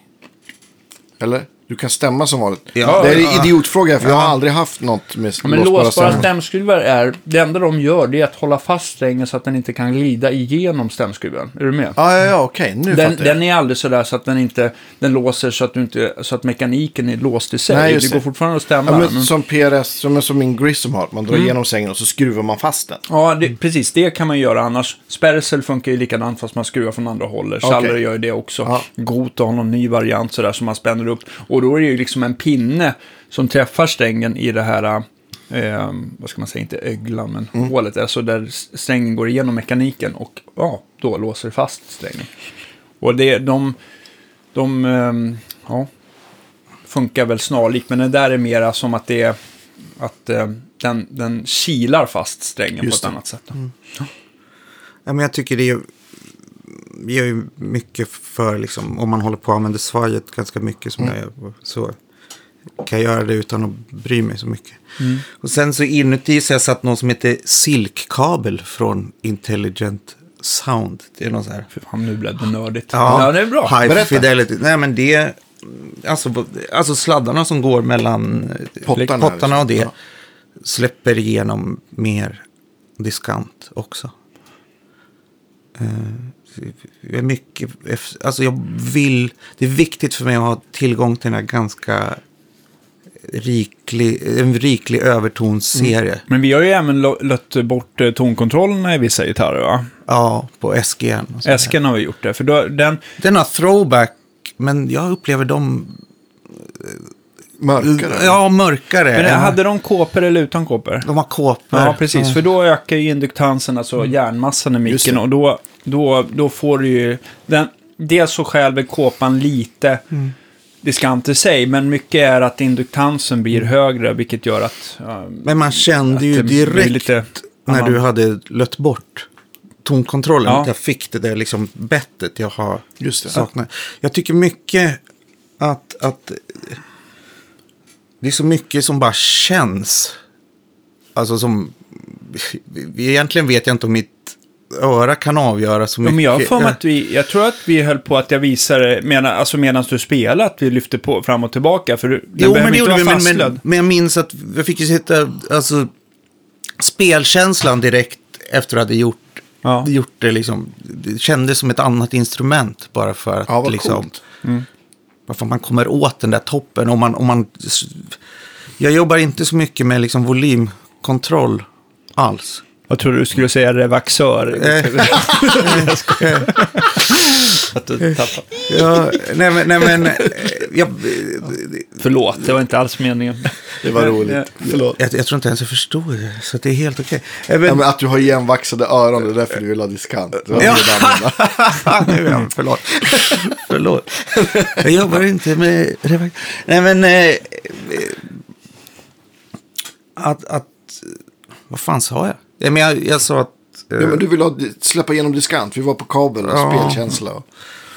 Och de men här silkkablarna Ja. som är invändigt där. ja, jag vet inte vad de gör egentligen, men, men, det men, lät bra. men Ja, eh, utan att vi, vi kan egentligen ta Björn eller John Olsson eller någon annan som kan förklara lite mer tekniskt vad som händer. Men samtidigt som du, alltså en, en tonkontroll, även om den står på, om vi säger att ett vanligt eh, värde är på en kondensator i en, i en tonkontroll på en, en Les Paul är 22 nanofarad. Och då har en potentiometer som vanligtvis är på 500 kiloohm. Så är den, även om den står på max, blöder du bort den ur, ur alltså den här kondingen eller ja, släpper på lödningen där till volymkontrollen där den är påkopplad så, så, så påverkar den ljudet lite grann. Och det, den påverkar ljudet mindre ju högre värde du har på putten. Just- som det hade okej, varit haft en meg, det vill säga det dubbla. Men, ehm, och eh, påverkar mer om det hade varit 250 kilo om som det sitter i en stratta. Men, ja. Vad Jag kan har- förstå så här, i en Les Paul som ändå är lite mörkare än en Fender, så, eh, så eh, letar man ju oftast efter att få- få fram mer av den här toppen om man är en single coil kille som jag och kanske försöker runda av det mer i en, Ja, i en telestratta som... som eh, Vad har du för pottar? ja, har vi. Kommer vi, känner, blir jag nyfiken på det. Då du har, Eh, 500... Det är vanliga sådana Ja. CTS tror Men jag. de här har ju du satt in. Jag har ju bytt. eh, Jag hade den här i alla fall. Jag hade en sån här push-push på Ja, den just här. De går ju sönder. Yes. Så på den andra har jag en push-pull. Pull. Alltså det på tonkontrollen har jag som splittar mikrofonerna. Ja, just det. Jimmy Page-tricket liksom. Ja, Han har väl typ push-pull på alla. Allihopa, ja, det är sant. Det är Ja, liksom para, serie parallell och, och uh, single coil Ja, just det. Ja, det är alla. massa ljud. Och jag kommer väl ändå fram till att en humbucker låter bäst som en klassisk humbucker. Det vill säga att de här single coil-lägena är väl inte lika roliga som single coil-läget på en, en Fender. Nej, men de är användbara i att det blir mer allround. Alltså att man behöver man kompa funk eller vad som helst så kommer jag. Om jag till exempel splittar eh, stallet och kör dem ihop. Att det är humbucker här, stall här. Så har jag Mm. plötsligt ett ljud som är liksom Ja, just det. användbart. Så det känns, eh, så, men ja, jag använder dem väl inte supermycket. Men det är lite kul att kunna. Cool. Så, Vad har du mer gjort? Band? Är det något? på den här? Ja, är det stålband eller är det vanliga? Eh, stål på, jag har stål på alla. Jag försöker, jag byter så fort jag får ett nytt instrument i princip. Eh, men, eh, nej, men sen vet jag inte om det är så mycket mer gjort på den här. Men är det att stålbanden, att du tycker att det blir, att det blir lite brightare eller gillar du bara den här äh, extremt eh, polerade, eh, lena känslan liksom? Som stålbanden har ju oftast. Både, och, både och. Mm. Jag har, jag har ingenting, jag, jag föredrar ju det där lilla plinket som Mm. kommer. Mm. Men för det jag skulle säga förut att, att jag håller inte på så mycket med volymkontrollen utan mer försöker sätta ett ljud där mitt anslag hårt så får jag mer gain, alltså att man jobbar mer med hur hårt man slår an vad man vill ha för. Och då, tycker jag om när det där extra blinket eller vad man ska kalla det finns där. Som Mm. kan- Sen är en annan lite en, eh, härlig lösning. För att Bigsby på Les Paul är inte alltid så jäkla lätt att få det att funka. Men du har ju ändå haft den, nu vet jag inte om det är på grund av att halsvinkeln är så stor eller inte, men du, du har ju skippat att trä strängarna under den här andra tryckrullen. Utan du använder ju, du använder ju endast den bakre där man fäster Ah. strängen. Ja, men jag undrar om det är för att det här egentligen är till en typ 335. Mm, det Man brukar inte ha, långt. den här brukar inte vara, alltså Big Speed brukar inte vara lika långt. Nej, precis. Det brukar hamna där någonstans och så. Jag brukar blanda ihop den. Jag vet ju att B6 det är den som man sätter på en jazzburk utan den här extra tryck, tryckrullen, typ en 175. Men de där kommer jag inte ihåg om de heter B5 eller B7. Ja, Eller B3 jag har finns väl den som är lite kort. Ja, i alla fall, de har ju lite sådana här beteckningar. Men, men det där, det är därför jag tycker oftast att de här som har dubbla tryckrullar, jag tror jag, vi har pratat om det här förut, det blir så jäkla brant vinkel från stallet så att det är nästan omöjligt att få dem att hålla stämningen. Ehm, så att jag, det där funkar väl bra tror jag va? Ja. Om det inte är så att strängvinkeln blir för låg och att du måste... eh, att du spelar strängen ur, ur, ur skåran på stallet så att säga. Nej, nej, jag tycker det funkar bra. Ja. Grattis. Ja, tack. Nej, men lite. jag vet att det folk brukar mecka med de här. Jag har Bigsby på flera gitarrer. Att det är liksom, man får mecka lite med det så att det Ja. så att, så att saker inte kan hålla på att flytta sig och sådär. Så brukar, men jag tycker att det hjälper med. Jag har fyra gitarrer med just Bigsby låsbara och så får man se till att sadeln är Det mår bra. bra. ja. Ja, precis. Så Kör du typ blyerts eller någonting i då du byter strängar eller? ja, det gör jag om jag, om jag hittar någon penna. Jag tycker oftast att, eh, att eh, som jag, jag använder ju på, på mina gitarrer, min TLL eller Stratta Mm. eller någonting som jag använder med mycket svaj, har jag använt, aldrig använt blyerts, utan är sadeln för trång så, så kommer problemen. Okej. Utan man, man Ja, ja. ser till att skåran är rätt helt enkelt. Men det är sånt där roligt fix för oss som liksom inte kan fixa att man känner så här, ah, nu, För ni vanliga nu förbättrar. Ja, precis. Jag gillar jag- sånt där. Jag tycker det är underbart att bara, nu ska jag sätta på nya strängar och bara, åh, jag ska... Ja, visst. Putsa lite här. Liksom. Det är samma som när jag mekade moppe, jag visste ingenting hur något funkar. Så det var mest att jag stod och så här putsade på den för att liksom känna att man var ute och jobbade med. Ja. Eh, Men jag vet, så jag kan inte hålla på och meka själv, men jag vet vad jag tycker om. Så jag lämnar det till sådana som Danne och- för att byta. Eh, Sen har jag ett gäng till gitarrer. Alla är liksom modifierade på något sätt för att det, för att det är kul. enkelt. Ja. Ja, men vad är det mer du har i din arsenal just nu? Du har din SG. Jag kommer inte ihåg vilket år den är ifrån. 86 86, ja. köpte jag jättebilligt också. Det är bara träbiten som är liksom. Som, som är som kvar. ja, Men, det är Men den här är väl originallack? Du har väl inte... Nej. Den är inte den är, den är original. ja. Ehm, och sen, sen Nu- mer sådana. som du vill fota foto. Sen har jag en Lucille som jag totalt har liksom. Jag har tagit bort lacken och det är också bara träbiten. Det är som alla andra bara att jag har lack, lackat om den också. Okej. Till typ den här. Okej. Finishen som är en slags brun. Och Lucillen, det är ju den BB Ja, King-modellen ut, 355. utan F-hål. Ja. Så jag har fått... Eh, Är de solida eller är de? nej. Nej, Så det är det, är, en det är en 35. plywood. Det är en plywood. Alltså de har ju solitt centerblock. Ja, just det. Som jag vet inte om det är i lönn eller om det är i mahogny. Men, det är, men annars är det ju som en, det är plywood precis som en 335 eller Ja, just det. 355. Ja. Sen så... Min Vad liksom... blev det för färg på den? Ja, som den här. Svart. Brun. Brun. Den här är ju Men vad var den från början? För han har ju typ Den bara gjort röd. rö, röda eller svarta. Cherry Red var den. Det såg lite plastig ut tyckte jag. Men, men vänta, var inte de...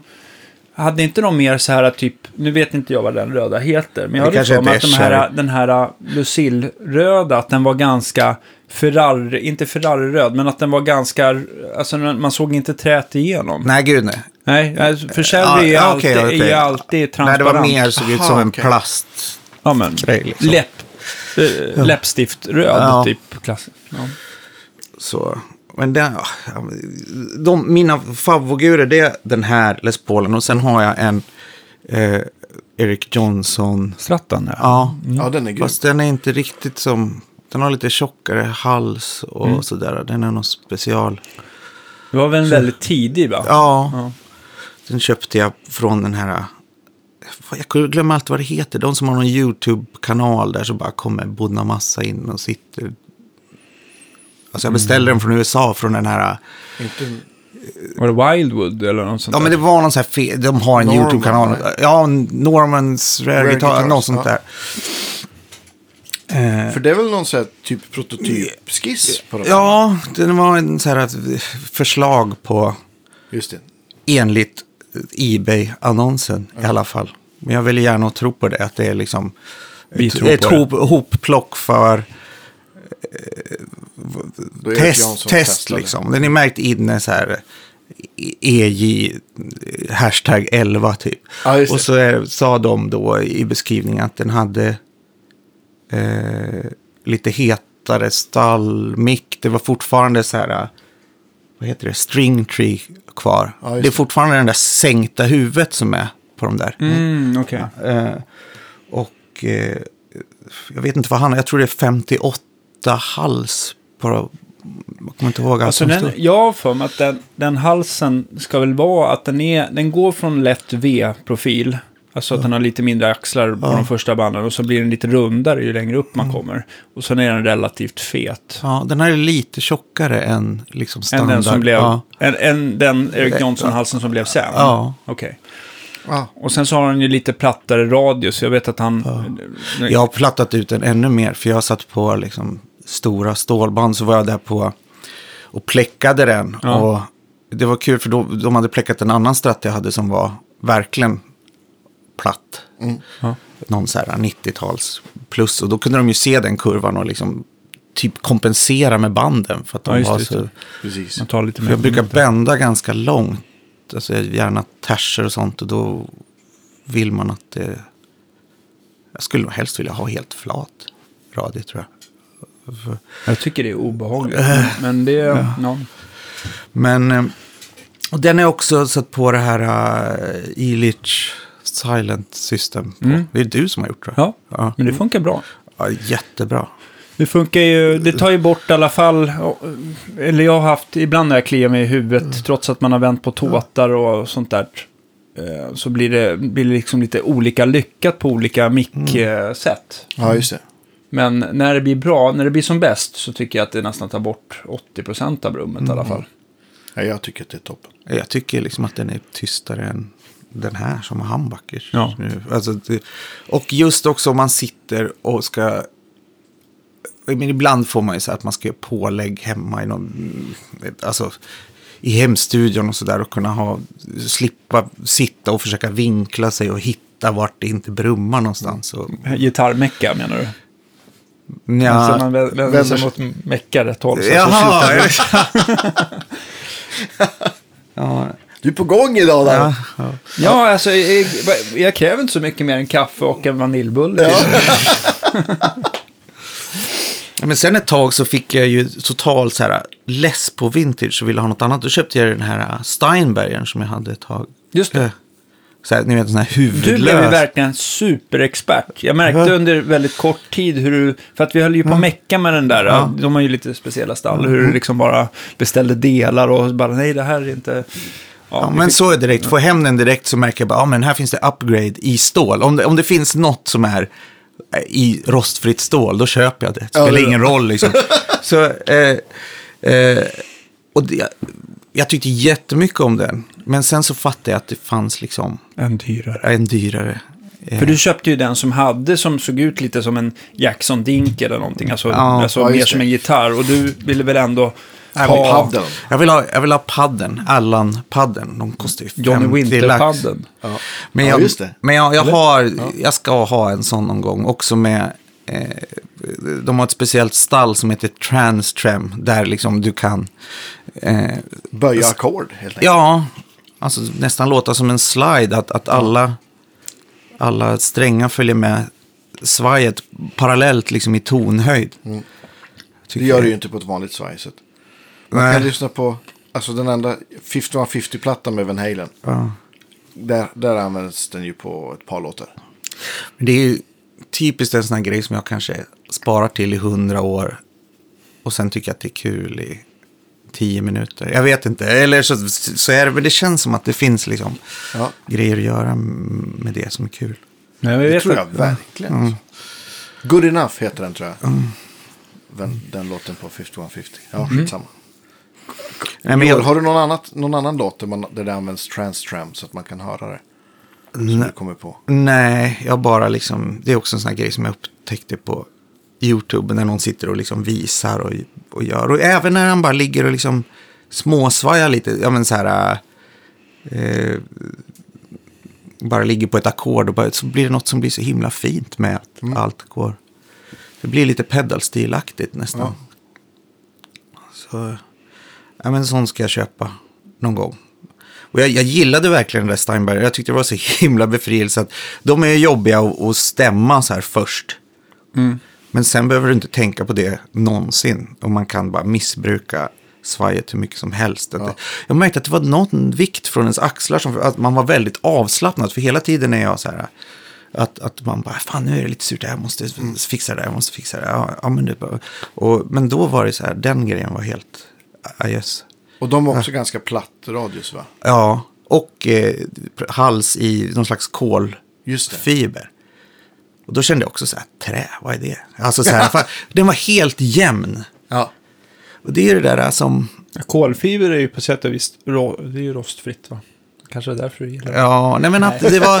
Nej, nu, nu ska jag sluta. Nej, det är bra. Det är bra. Nej, men jag, den var så himla jämn över hela halsen. Jag för- förstår att man kan uppleva det där som sterilt. Men jag tyckte just då att det var väldigt skönt. Bara att den inte... Men Men den är var också- jävligt ball den Ja. gitarren. Ja, men, och, alltså, om man spelar man på någonting som, som känns och låter liksom annorlunda så ger det ju en annan input. Så att liksom, och jag kan, kan förstå liksom euforin och få ett instrument som inte känns som något annat. Då blir det liksom, då Man- kommer andra saker ur fingrarna liksom. Ja, och vad man märkte var att alltså, spela så här legato, så här, Allan typ lir, var ju, spelar ju sig själv på ett helt annat sätt. Man behövde bara trycka så himla löst för att det skulle komma liksom en sjungande Ja, ton. Ja. Men det är liksom olika saker. Man känner att man, så tror jag de flesta känner att dels har man en del av sig som är så musiker och seriös och håller på. Men sen så, så är ens hobby också bara att testa grejer och, Ja, och liksom ja, att, Men, men eh, vi kan bara knyta i, ihop säcken med just gitarrbiten i alla fall. Strattan, har du, behöll mickarna som var original eller var det något annat som åkte Den i där? mitten är en Klein som jag köpte av dig för att det skulle funka med silent. Just det, just det. Alltså, så att, Ja, det måste ju vara samma fas, polaritet ja, i, i ja, det. alla mickar, annars funkar inte brummutsträckningen då. Det var bättre tyckte jag. Den var liksom, gav kvackigare ägglägen. Ja. Sådär. Så, men annars så, men det är också stämskruvarna bytta. Har du, Allt bytte du blocket i den? Ja. Ja, Stål, eller? Det, ja, ja just det, det är, hela stallet är ju Callahan. Ja, just det, just det. Tyckte du att det blev någon skillnad då när du bytte till Callahan? För att det är ju nästan, nu vet jag inte om bottenplattan är i rostfritt just, men stålet, nej, kanske sadlarna är rostfria. Jag tror hel, hela skulle vara i Rost- rostfritt. Det okej. var det jag beställde i alla fall, annars är jag lurad. Eh, För de, annars brukar de ju köra något som heter cold roll steel, Ja, som det ska det. vara lite i de gamla blocken. Då har jag en fråga. Ja. Eh, ah, gällande stålblock. Man, för det kan man ju liksom köpa från. Så här, gitarrdelar säljer ju här stålblock block för så här 200-300 eller någonting. Mm. Är, det, är fyr- Callahams sådana block bättre då? Undrar jag. Alltså om du ska använda svajet är det mycket bättre. Ja, så, det, Det, ja, det, som är, det som är fiffigt med Callahan-blocket det är ju att jag tycker, precis så egentligen som Erik Jonsson-modellen har från början också, att strängens kula, Ja. den är inte sådär, jag vet inte, det är många som säkert har irriterat sig på att, att eh, när man ska stämma upp en stratta sådär, att det liksom så här, man, man stränger upp den och sen när den nästan är stämd så liksom så här, så klonkar det till så, Ja, så, så är det att den här kulan hamnar rätt då. då. Eh, den är inte så infräst där, det här kulhålet i baksidan av ett Den Callahan-block. stannar- stannar det stann- direkt mot det- blocket Ja, det stannar liksom lite mer safe på något sätt. Så jag måste alltså köpa ett Callaham-stall nu. Eh, Men det gör ju också att strängen blir längre. ja, den blir lite längre och lite mer, känns lite flexigare på något sätt. Okej. Lite mjuk. Eller upplevde du det så Jag också? vet inte, är det inte tvärtom? Alltså att den blir lite Det stiff. stiff. stiffare än om man... Eh, Ja, jag tycker att det känns som att det, det är mer... Det är okej, man kanske får bända lite längre för att komma upp i samma pitch för att strängen liksom... det är mer sträng som sträcker sig. Okej. Eh, är min uppfattning i Ja, alla fall. det men nog- det kanske nog man min- upplever det, på... Ja, men det är nog min uppfattning också. Ja. Kanske. Eh, däremot, däremot, eh, däremot, eh, det som är grejen med Callaham, det är ju att, att det, är en, det går ju en gänga ner i dem. Mm. Och den gängan är inte liksom, den är bara den, den sista biten. pratar vi om. Ja, precis, Ja. för svajarmen. Och det är bara den sista biten. Den övre delen, det är som en, liksom en nylonbustning. Alltså, som är ogängad. Och, och det funkar med vanligt svajarm, men Callaham svajarm som är lite, lite annat, det är väl riktigt stål liksom, Mm. eller rostfritt stål som inte går av, du kan inte vrida av den på samma sätt. Det är rätt vanligt att många har vridit av sin svajarm i blocket, så Just det. Ja. Men det gör att också att du inte får den här glappkänslan, så klink, klonk, klink, klonk, när du ska försöka svaja upp och ner.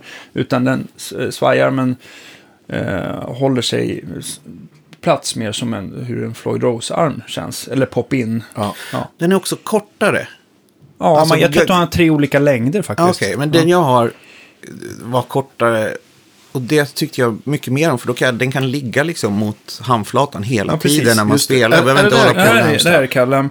Jag, jag har gjort så på min stratt att jag kör Callaham block eh, och Callaham svajarm. Och sen så har jag Fenders sadlar och jag tror att det är en japansk Goto-bottenplatta. Okej. Har jag kommit fram Det- till det att det din- gillar jag. Ja. Det, det skulle vi faktiskt, jag har tänkt på det, det skulle vi kunna göra liksom nästan ett helt avsnitt om. Så, här, alltså, eller hur många som helst. Alltså sådana här modifieringar liksom. Mm. Vi har gjort någonting tror jag. Har vi pratat om det någon gång? Modifieringar av gitarrer. Ja, vi har väl bara Alltså här- jag tänkte att vi mer har så här pratat om det Generellt. eh, generellt Ja. och att vi hade kanske lite den där meck, gitarrmix Ja, just det. varianten.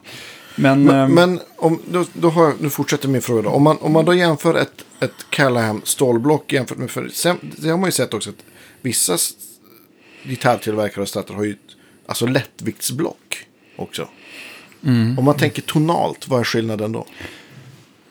Eh, Jag vill minnas i alla fall att, att alltså, mässing är ju lite rundare övertoner. Det är många som påstår att det blir bättre sustain, men jag tycker att mässing ibland, just när det gäller block och, och bottenplatta och sådär, att det är lite för mjukt. Att det känns som att det liksom, det slits snabbare sådär. Så över tid så brukar det inte, jag vet inte, jag får inte säga jätte... Jag kan förstå folk som vill ha det till sina sadlar. Det är oftast mässingsadlar på en Les Paul till exempel. Det. Att det blir bra. Eh, men det är väl precis här vad man är ute efter. Vill man att det ska vara lite rundare eller lite toppigare? Kanske. Sen finns det ju de som gillar titansadlar också. Det blir ju ytterligare en annan lite så här hifi diskant som dyker upp. det gillar jag inte, det har jag testat. Det har du provat. På en Stratta eller Les På Paul? Stratta. Ja, för jag tycker att det, det, kan, det kan lyfta upp en Les Paul ganska bra ibland. Från en som...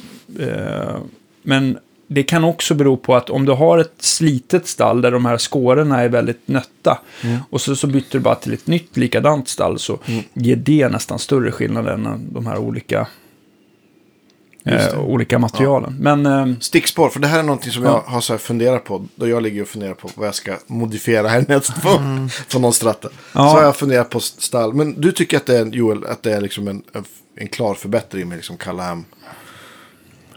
Jag vet faktiskt inte, men det är väldigt bra. ja. För Men alltså, är just- funktionsmässigt kan jag tänk, verkligen Ja, tänka mig ja, att det är- alltså, ja, ju- det är väldigt skönt att slippa det där lilla glappet i, som han pratade om innan. I, att, att armen hänger med verkligen. Mm. Så jag tycker i alla fall de är väldigt bra. Men sen just på de där Erik Johnson-strattarna så satt det ju ett väldigt bra stall på Just egentligen. Men ja, Han var ju noga med att, alltså ett vanligt klassiskt block, det är väl, det är väl att man lackar det efter man har liksom fräst det. Okej. Det är någon form av så här, vet inte vad den typen av lack heter, men det är en gråfärgad lack i alla fall. Och Okej. han var ju noga med att man skulle inte ha någon lack där på undersidan av bottenplattan och blocket för att det skulle bli okej, bättre ton. kontakt. Eh, ja, Så kan det vara. Vi måste prata om pedaler också. Ja, och, stärkare, förstärkare. tänker jag. Ja. Vad Du har ju ett gäng Ja. trevliga förstärkare också. ja. Vilken är favoritstärken? Min Vox AC15. Helt klart. Eh, för- Gammal eller ny? Den är någon slags... Eh, från 2007 eller 2008 när de gjorde någon slags reissue. Av gamla? Handwired. Ja, precis. Just. Eh, vit. Ja. Eh, med ett... Och det är svinviktigt för mig när det är Vox att det är Celestion Blue-högtalare. Ja.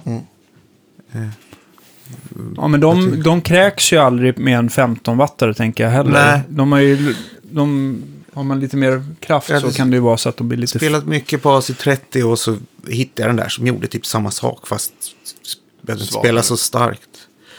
Eh, sen har jag några, jag har en Matchless Independence eh, som en trekanalig Matchless. Som har ett liksom fantastiskt overdrive-ljud. Men den, är lite, den gör en grej, den tycker inte om pedaler. Okej. Så annars skulle jag använda den mycket mer. Vad är det det- blir problem när du använder pedaler in i den då? Ja, det låter inget bra med, med boostar eller distar. Eller, det tar inget sånt, utan då spelar man på det som är stärken, som i och för sig är he, helt fantastisk. Mm, mm. Men den hade ingen effektloop till exempel. Det har jag låtit en polare sätta in Mm. i den. Det var, Eh, använde jag för lite, men eh, den kommer jag behålla. Sen har jag ju, jag var i Florida och hittade en snubbe som byggde Dumble-kloner. Mars heter de. Mm. Så en sån har jag också. Används också alldeles för lite. Jag hade den när jag spelade på en teater och då hade jag en sån här, den jag köpte av dig, Ja, en sån här silent box, alltså Ja, högt, så att jag kunde kräma den där. Det lät ju också fantastiskt, men den, den spelar ju alldeles för starkt för alla sammanhang. För det är väl en Eh, sån Overdrive Special-klon? Ja. Så är det fyra, sex eller sexer. Ja, 6 eller 6 någonting. ja, så är den en bit över 100 i alla fall, watt har jag för mig. Ja, jag, vi var ju här, jag och, eh, vad heter han, Jocke Backman. Och tänkte, nu var vi i ett ljudisolerat rum och skulle försöka pressa den lite. Då höll man ju på Ja, det blåsa ut genom dörren här. För att Ja. jag så, ja, det höll. Det höll faktiskt. Nu höll den uppe. Ja. men, eh, och sen har jag också faktiskt en Ampeg VL 502. Som, är, Just det. som är någon sån här s- Zack eh, No More Tears-stärk. Är det där liksom. Ah, ja, den, ja, är det den där, det. vad hette han? Var det Lee, Lee Jackson? Jackson. Ja. Exakt. 90-tals. Ja. Det kommer jag ihåg, du hade köpt den så ringde du och var helt extas. Ja, men, alltså, Åh, för de, den har en sån hårdrocksdist som är helt fantastisk. Den måste, rivig, den måste, liksom. Nästa gång vi gör något sånt test måste vi ju liksom... Den måste vi, Måste vi klicka. Ja, absolut. Jag tror jag har aldrig använt den. Men det dök upp en och jag bara, en sån ska jag ha. Ja. Jag har ägt en sån. Det var tidigt det. Men jag vet inte, den är väl också, ja, rena ljudet är väl inget att hurra över. Men, men just, jag spelar inte några sådana sammanhang, men det är så jädra underbart. Och Ja. Den där köttiga liksom. Coolt. Eh, eh, vad fan har jag mer? Uh, jo, men sen har jag också en Kemper som jag använt, eller jag har haft mycket gig med in-ear eller att det är stråkar med och sådär. Mm. Som jag har till sånt. Också när det är, men gig, man, man kanske inte har så mycket tid att soundchecka. Jag vet att jag sätter in den där i stereo. Jag har inte, hållit på, jag har inte orkat mecka så mycket med den sen jag köpte den för massa år sedan. Men jag har kanske fem, sex ljud i den som jag tycker låter bra. Eller det funkar. Det är inte samma sak. Eh, men det är helt Bra verk. funkar bra att gigga med. Kör du pedaler innan den då eller? Nej, jag spelar, du på, jag spelar på det som är i den. Jag använder aldrig, jag tycker inte, jag använder inga overdrives eller distar i den, utan då gör jag nya ljud med. Jag tycker tricket är att, som ni har pratat om tidigare, inte hålla på, Skruva efterhand. nej, om man vill att det ska låta likt. Liksom. Men, och sen tycker jag också att om man tycker att kompressorn inte är så bra, till exempel på pedalen, så kan man gå in istället i den här, i en undermeny där det finns någon sån här power sagging funktion. Och liksom fixa om man vill ha, och få kompression därifrån istället. Dagens camper-trick. Ja, men alltså, jag tycker, då tyckte jag det funkar. Det finns också en, en kompressorfunktion där. Men det tyckte jag lät Är det för squashy på något sätt eller? Ja, men alltså själva pedal, det som emulerar effektpedaler. Ja, just det. Just det. Jag använder just inte dem någonting förutom reverbet i stort sett. Eller kanske lite delay. Mm. Jag tycker de funkar bra. Men, eh, men jag kommer inte sälja några förstärkare. Hur, hur, är, eh, hur är det med pedalbordet då? Vad finns det? Ja, jag ska försöka komma ihåg vad allt heter. Eh, jag har några grejer som är så här extra viktiga för mig. Och det är Sendrive-pedalen som jag inte kan leva utan. Hade du den varianten med rör eller? Ja, precis. Sendrive För den, 2. Ja, för den lät ju väldigt, väldigt bra tycker Ja. jag. jag Är den inte så- större då, eller? Ja, Ja. Den, men den låter, den låter ju annorlunda än, än vanliga Sendrive. Ja, jag det tycker inte, de har ju, jag vet inte varför han kallar den för Sendrive ens. Den är, kanske på grund av att ettan har sålt så bra. Ja. Men, men de är inte speciellt lika varandra. Nej, de, jag tycker 1 är bra också. Men den här är liksom en annan grej. Ja, men den är, den, alltså ettan är väl mer så här att det, att det är som, som på en Tube Screamer, att det känns som att det är två, två skikt av ljud som Ja. går parallellt. Och att den är väl lite näsigare också, ettan. Den där har jag för mig att den var mycket så här... Tvåan är liksom krämig. Jag Ja. skulle liksom det här Tube Driver, Ja, precis. den Just det. grejen. Eric Johnson, lead, alltså Mm. eh, så här sjungande. Fet. Ja, Kör du fast in i den också, typ en, en, Ja. en fast face? För att få det där riktiga om jag drar fort. Ja, violinsoundet. har du kedjan? Ja, ja, men jag har eh, in i... Oh, shit, jag måste tänka. Eh, Ja, du har mycket. Du har, du har fått plats med många pedaler på Ja. ditt bord. Ja, det, det, går in i en volympedal och sen en kompressor som heter Emma Transmogrifier. Det. Som jag inte använder så mycket till. Jag har inte så mycket kompression på. Den gör någonting. Den färgar på något konstigt sätt. Liksom. Och jag använder den också. Jag boostar upp signalen lite med den. Och sen går det in i någon slags klon på klon. Alltså den pedalen. Någon jag köpte, de som hade byggt på Ebay. Den är bara så här no name, någon hammarlackad sak. Ja. Eh, och sen har jag en, ehm, vad heter de, Mudhoney 2. Just det. Mm. T-Rex. Ja. Ja, underskattad pedal tycker jag. Jag tyckte det var kul, jag hörde att eh, Hordakis också hade en, sån. Men den är bra, alltså de är ju lite, de är lite småfassiga i karaktären Ja. där, fast det är en overdrive eller, ja, Ja. Eller dist. De Eller. är lite håriga sådär Ja. liksom. Och sen går Hårig är det till Sendriven, sen har jag två Jesse Davy-pedaler jag tycker jättemycket om. Ja, det är han Ja. som, han, han bygger väl fassar i England va? Nej, han, är, han, han är engelsman, men jag tror han bor i USA. Okej, ja. Eh, dels en fass och så en oktafass. Och nu har jag sett att, att han har någon så här, eh, något som kanske får ersätta eh, Mudhoney. Han har någon Dualist. dualist. Den, Den är jag sugen på. Den har jag hunger på. Efter som vinner Han har släppt en ny också som heter Blues Power. Såg jag. Livsfarligt när han släpper pedaler. Nej, men han är ju bra gitarrist och har, han, han släpper sjukt bra pedaler. Alltså. Den oktavfussen Ja. är ju fantastisk. Ja.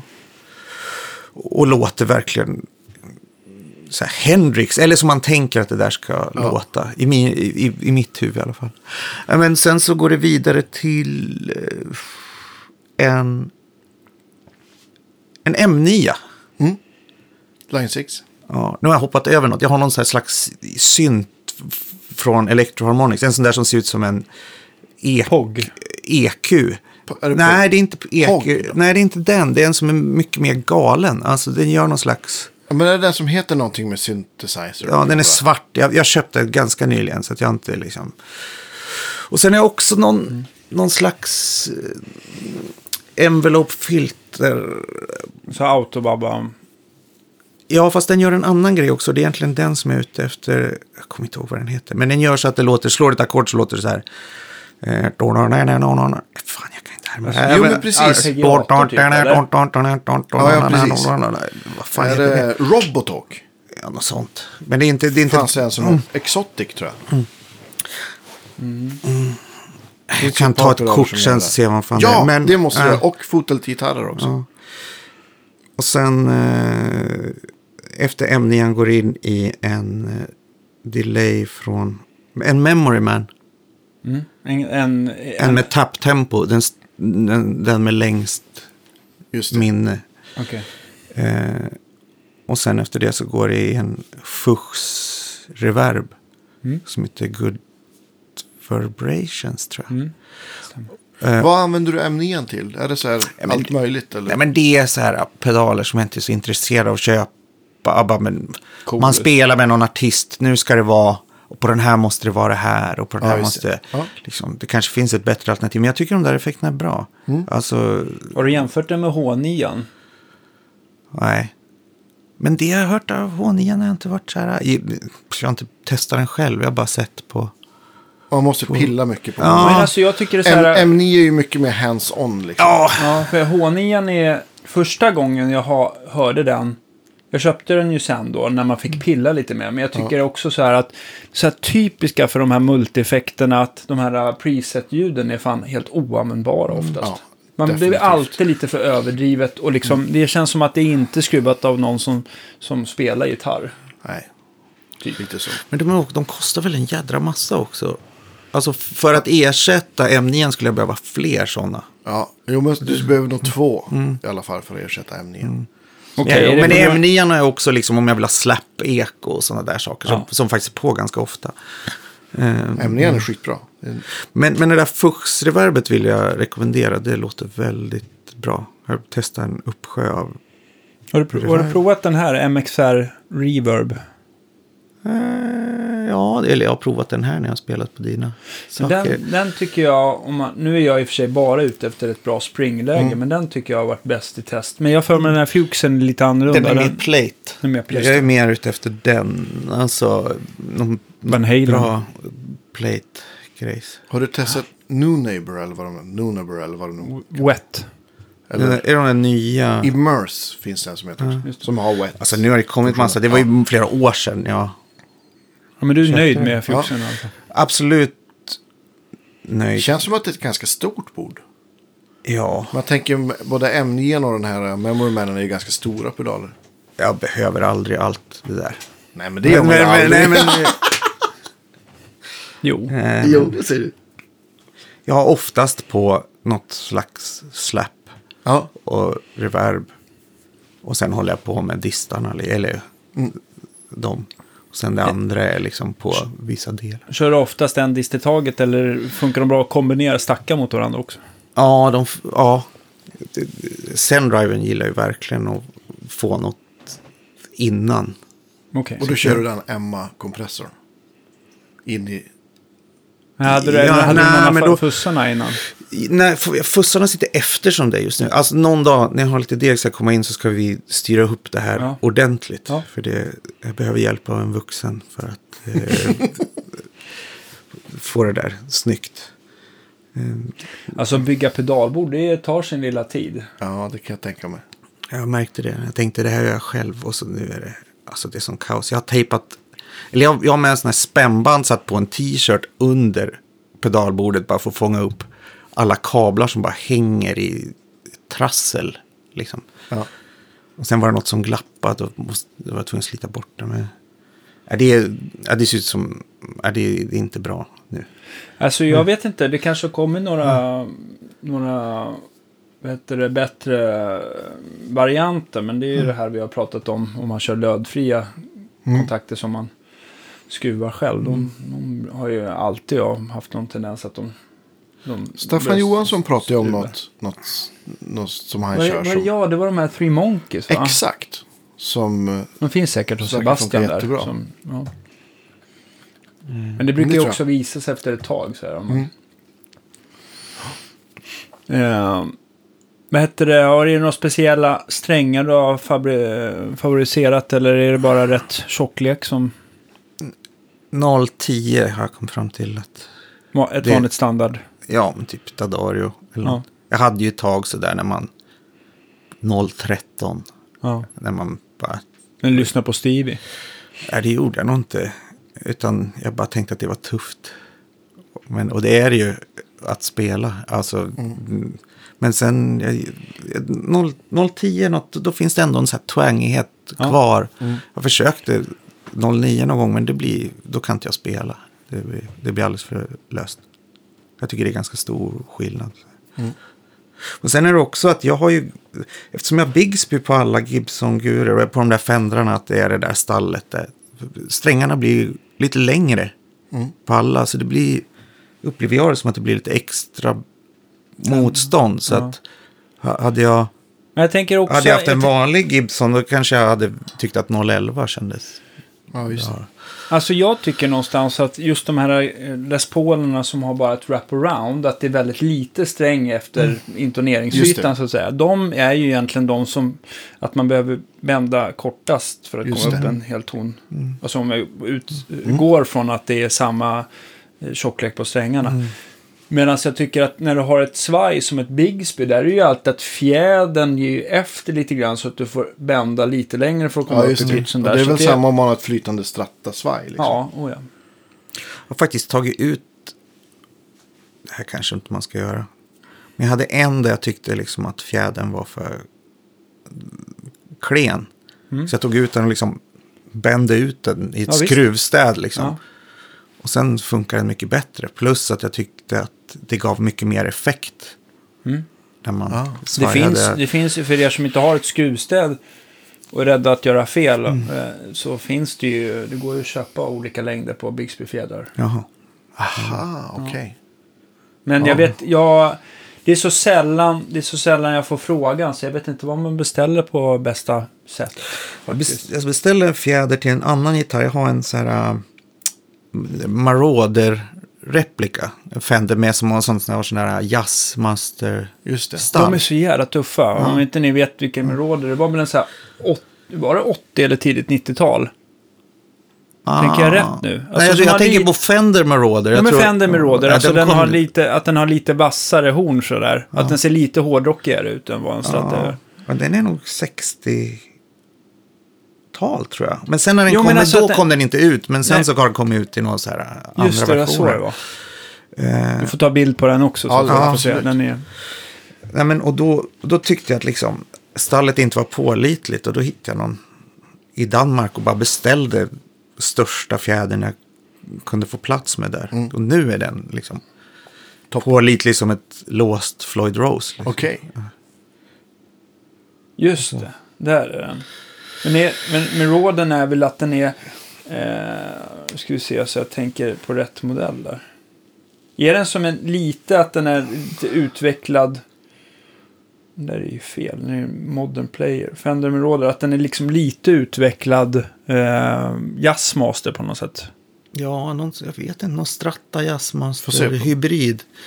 De hade ju, när de skulle släppa den Ja, att mickarna skulle sitta under plektrumskyddet. Hur de nu tänkt så. Så har jag inte på min. Men, men man har ju, jag tror att det är ungefär samma upplägg som Brian May med de mickarna. Att alla, alltså det är så mycket kontroller på den och det går att fasvända allt och det går att... Så jag vet liksom, jag har fortfarande ingen koll på... Det är verkligen ungefärligt vilket ljud som kommer att komma. Jag håller fortfarande på så här... Knappar lite. Vad händer framöver då? Nu är det fullt ös ett par veckor med slutförande och arrangering av Ja, Dramatenföreställningen. föreställning. Och sen ska jag direkt börja jobba på en annan föreställning i Norge. Okej. På uh, samarbete mellan norska Nationalteatret och Riksteatret. En, Ja, kul. en, Och är en, det också i egenskap av kompositör då? ja, ja. då ska jag göra en väldigt spännande pjäs av en bok som heter Havsboken. Som Okej. handlar om en haj på havets botten utanför Lofoten. När har den premiär då? Efter jul misstänker jag. Ja, i början på februari. Mm.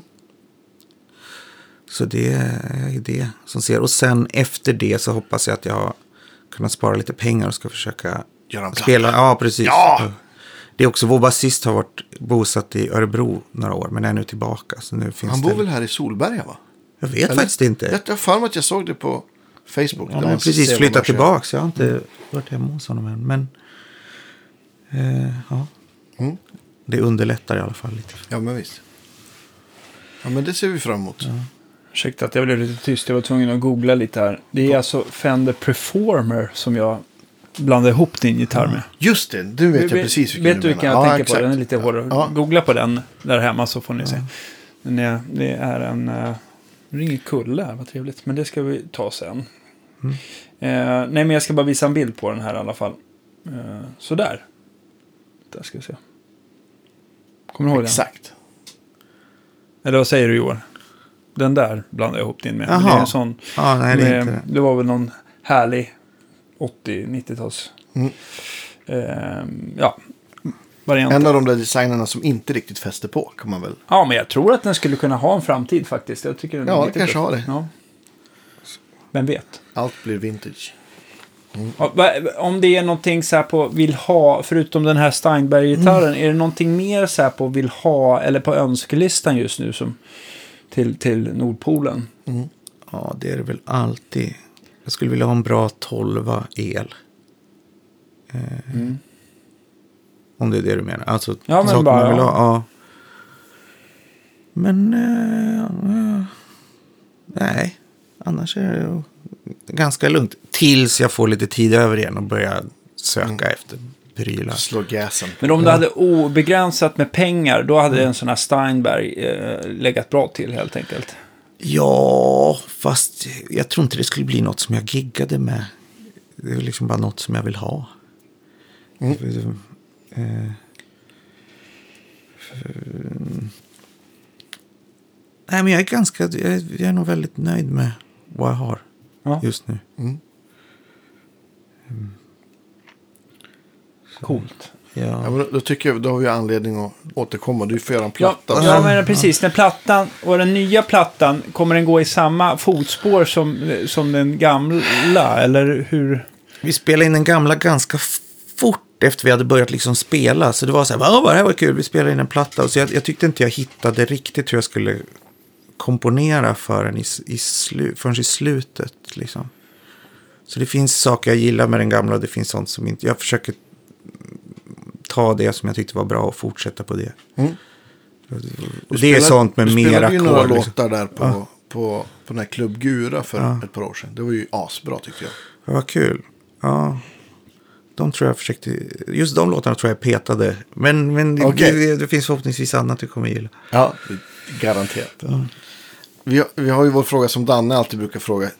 Du, det, nej, du har gjort om frågan. Jag har gjort om frågan. Ja, du får Vi- vilken, vilken är den sista gitarrsaken du kommer sälja? Läspbollen, helt Ja. klart. Ja. Jag har misstänkt det ganska länge nu. Tänk om man, jag tänkte så här att du skulle säga din Mars-stärkare, för det är ingen som vill liksom ha den. Men eh, så, jag tänkte att det blir ett sånt problem. Fast den är väldigt bra. Mm. Är det någon som vill ha en, det är väl nog en av de bästa dumbbellkloner jag har hört, tycker jag. Och de är också inte heller... Det kostar inte så. Nej, precis. Jag skulle mycket hellre spela på den marchen än en, än en sån Two Rock Mm. Tone Secret 1, som den heter så fint. Ja, just. Ja, den är till salu för rätt pris. Det är bara att Vad höra av är, sig. vad är rätt pris då? Jag kommer inte ihåg. För de där, vad kostar Tre de? Bigsby Svaj har den din. Ja, Vad kostar, ja, ja men precis. Hur, hur mycket inte. rostfritt måste de ge dig? ja, Vad kostar de nya de där? jag vet inte, jag kanske gav en 15 för den. Ja, eller 15 000 går den för. Ja. Ja, men då kan Nej. man få lådan med. Eller vad fan, kan inte sitta här och prångla ut grejer. Jo, Precis. Stort tack för att du ville komma och, vara med. Ja, och har ni 15 000 rostfritt över så är det bara. Ja, och vill ha en Ja, dumbbell. er. Så går vi ut med. Så vi Tusen ut. tack för att jag fick komma. Ja, verkligen. Ja, vår ära. Eh, så ses vi nästa vecka. Ja, ha det så bra. Hej! Hej.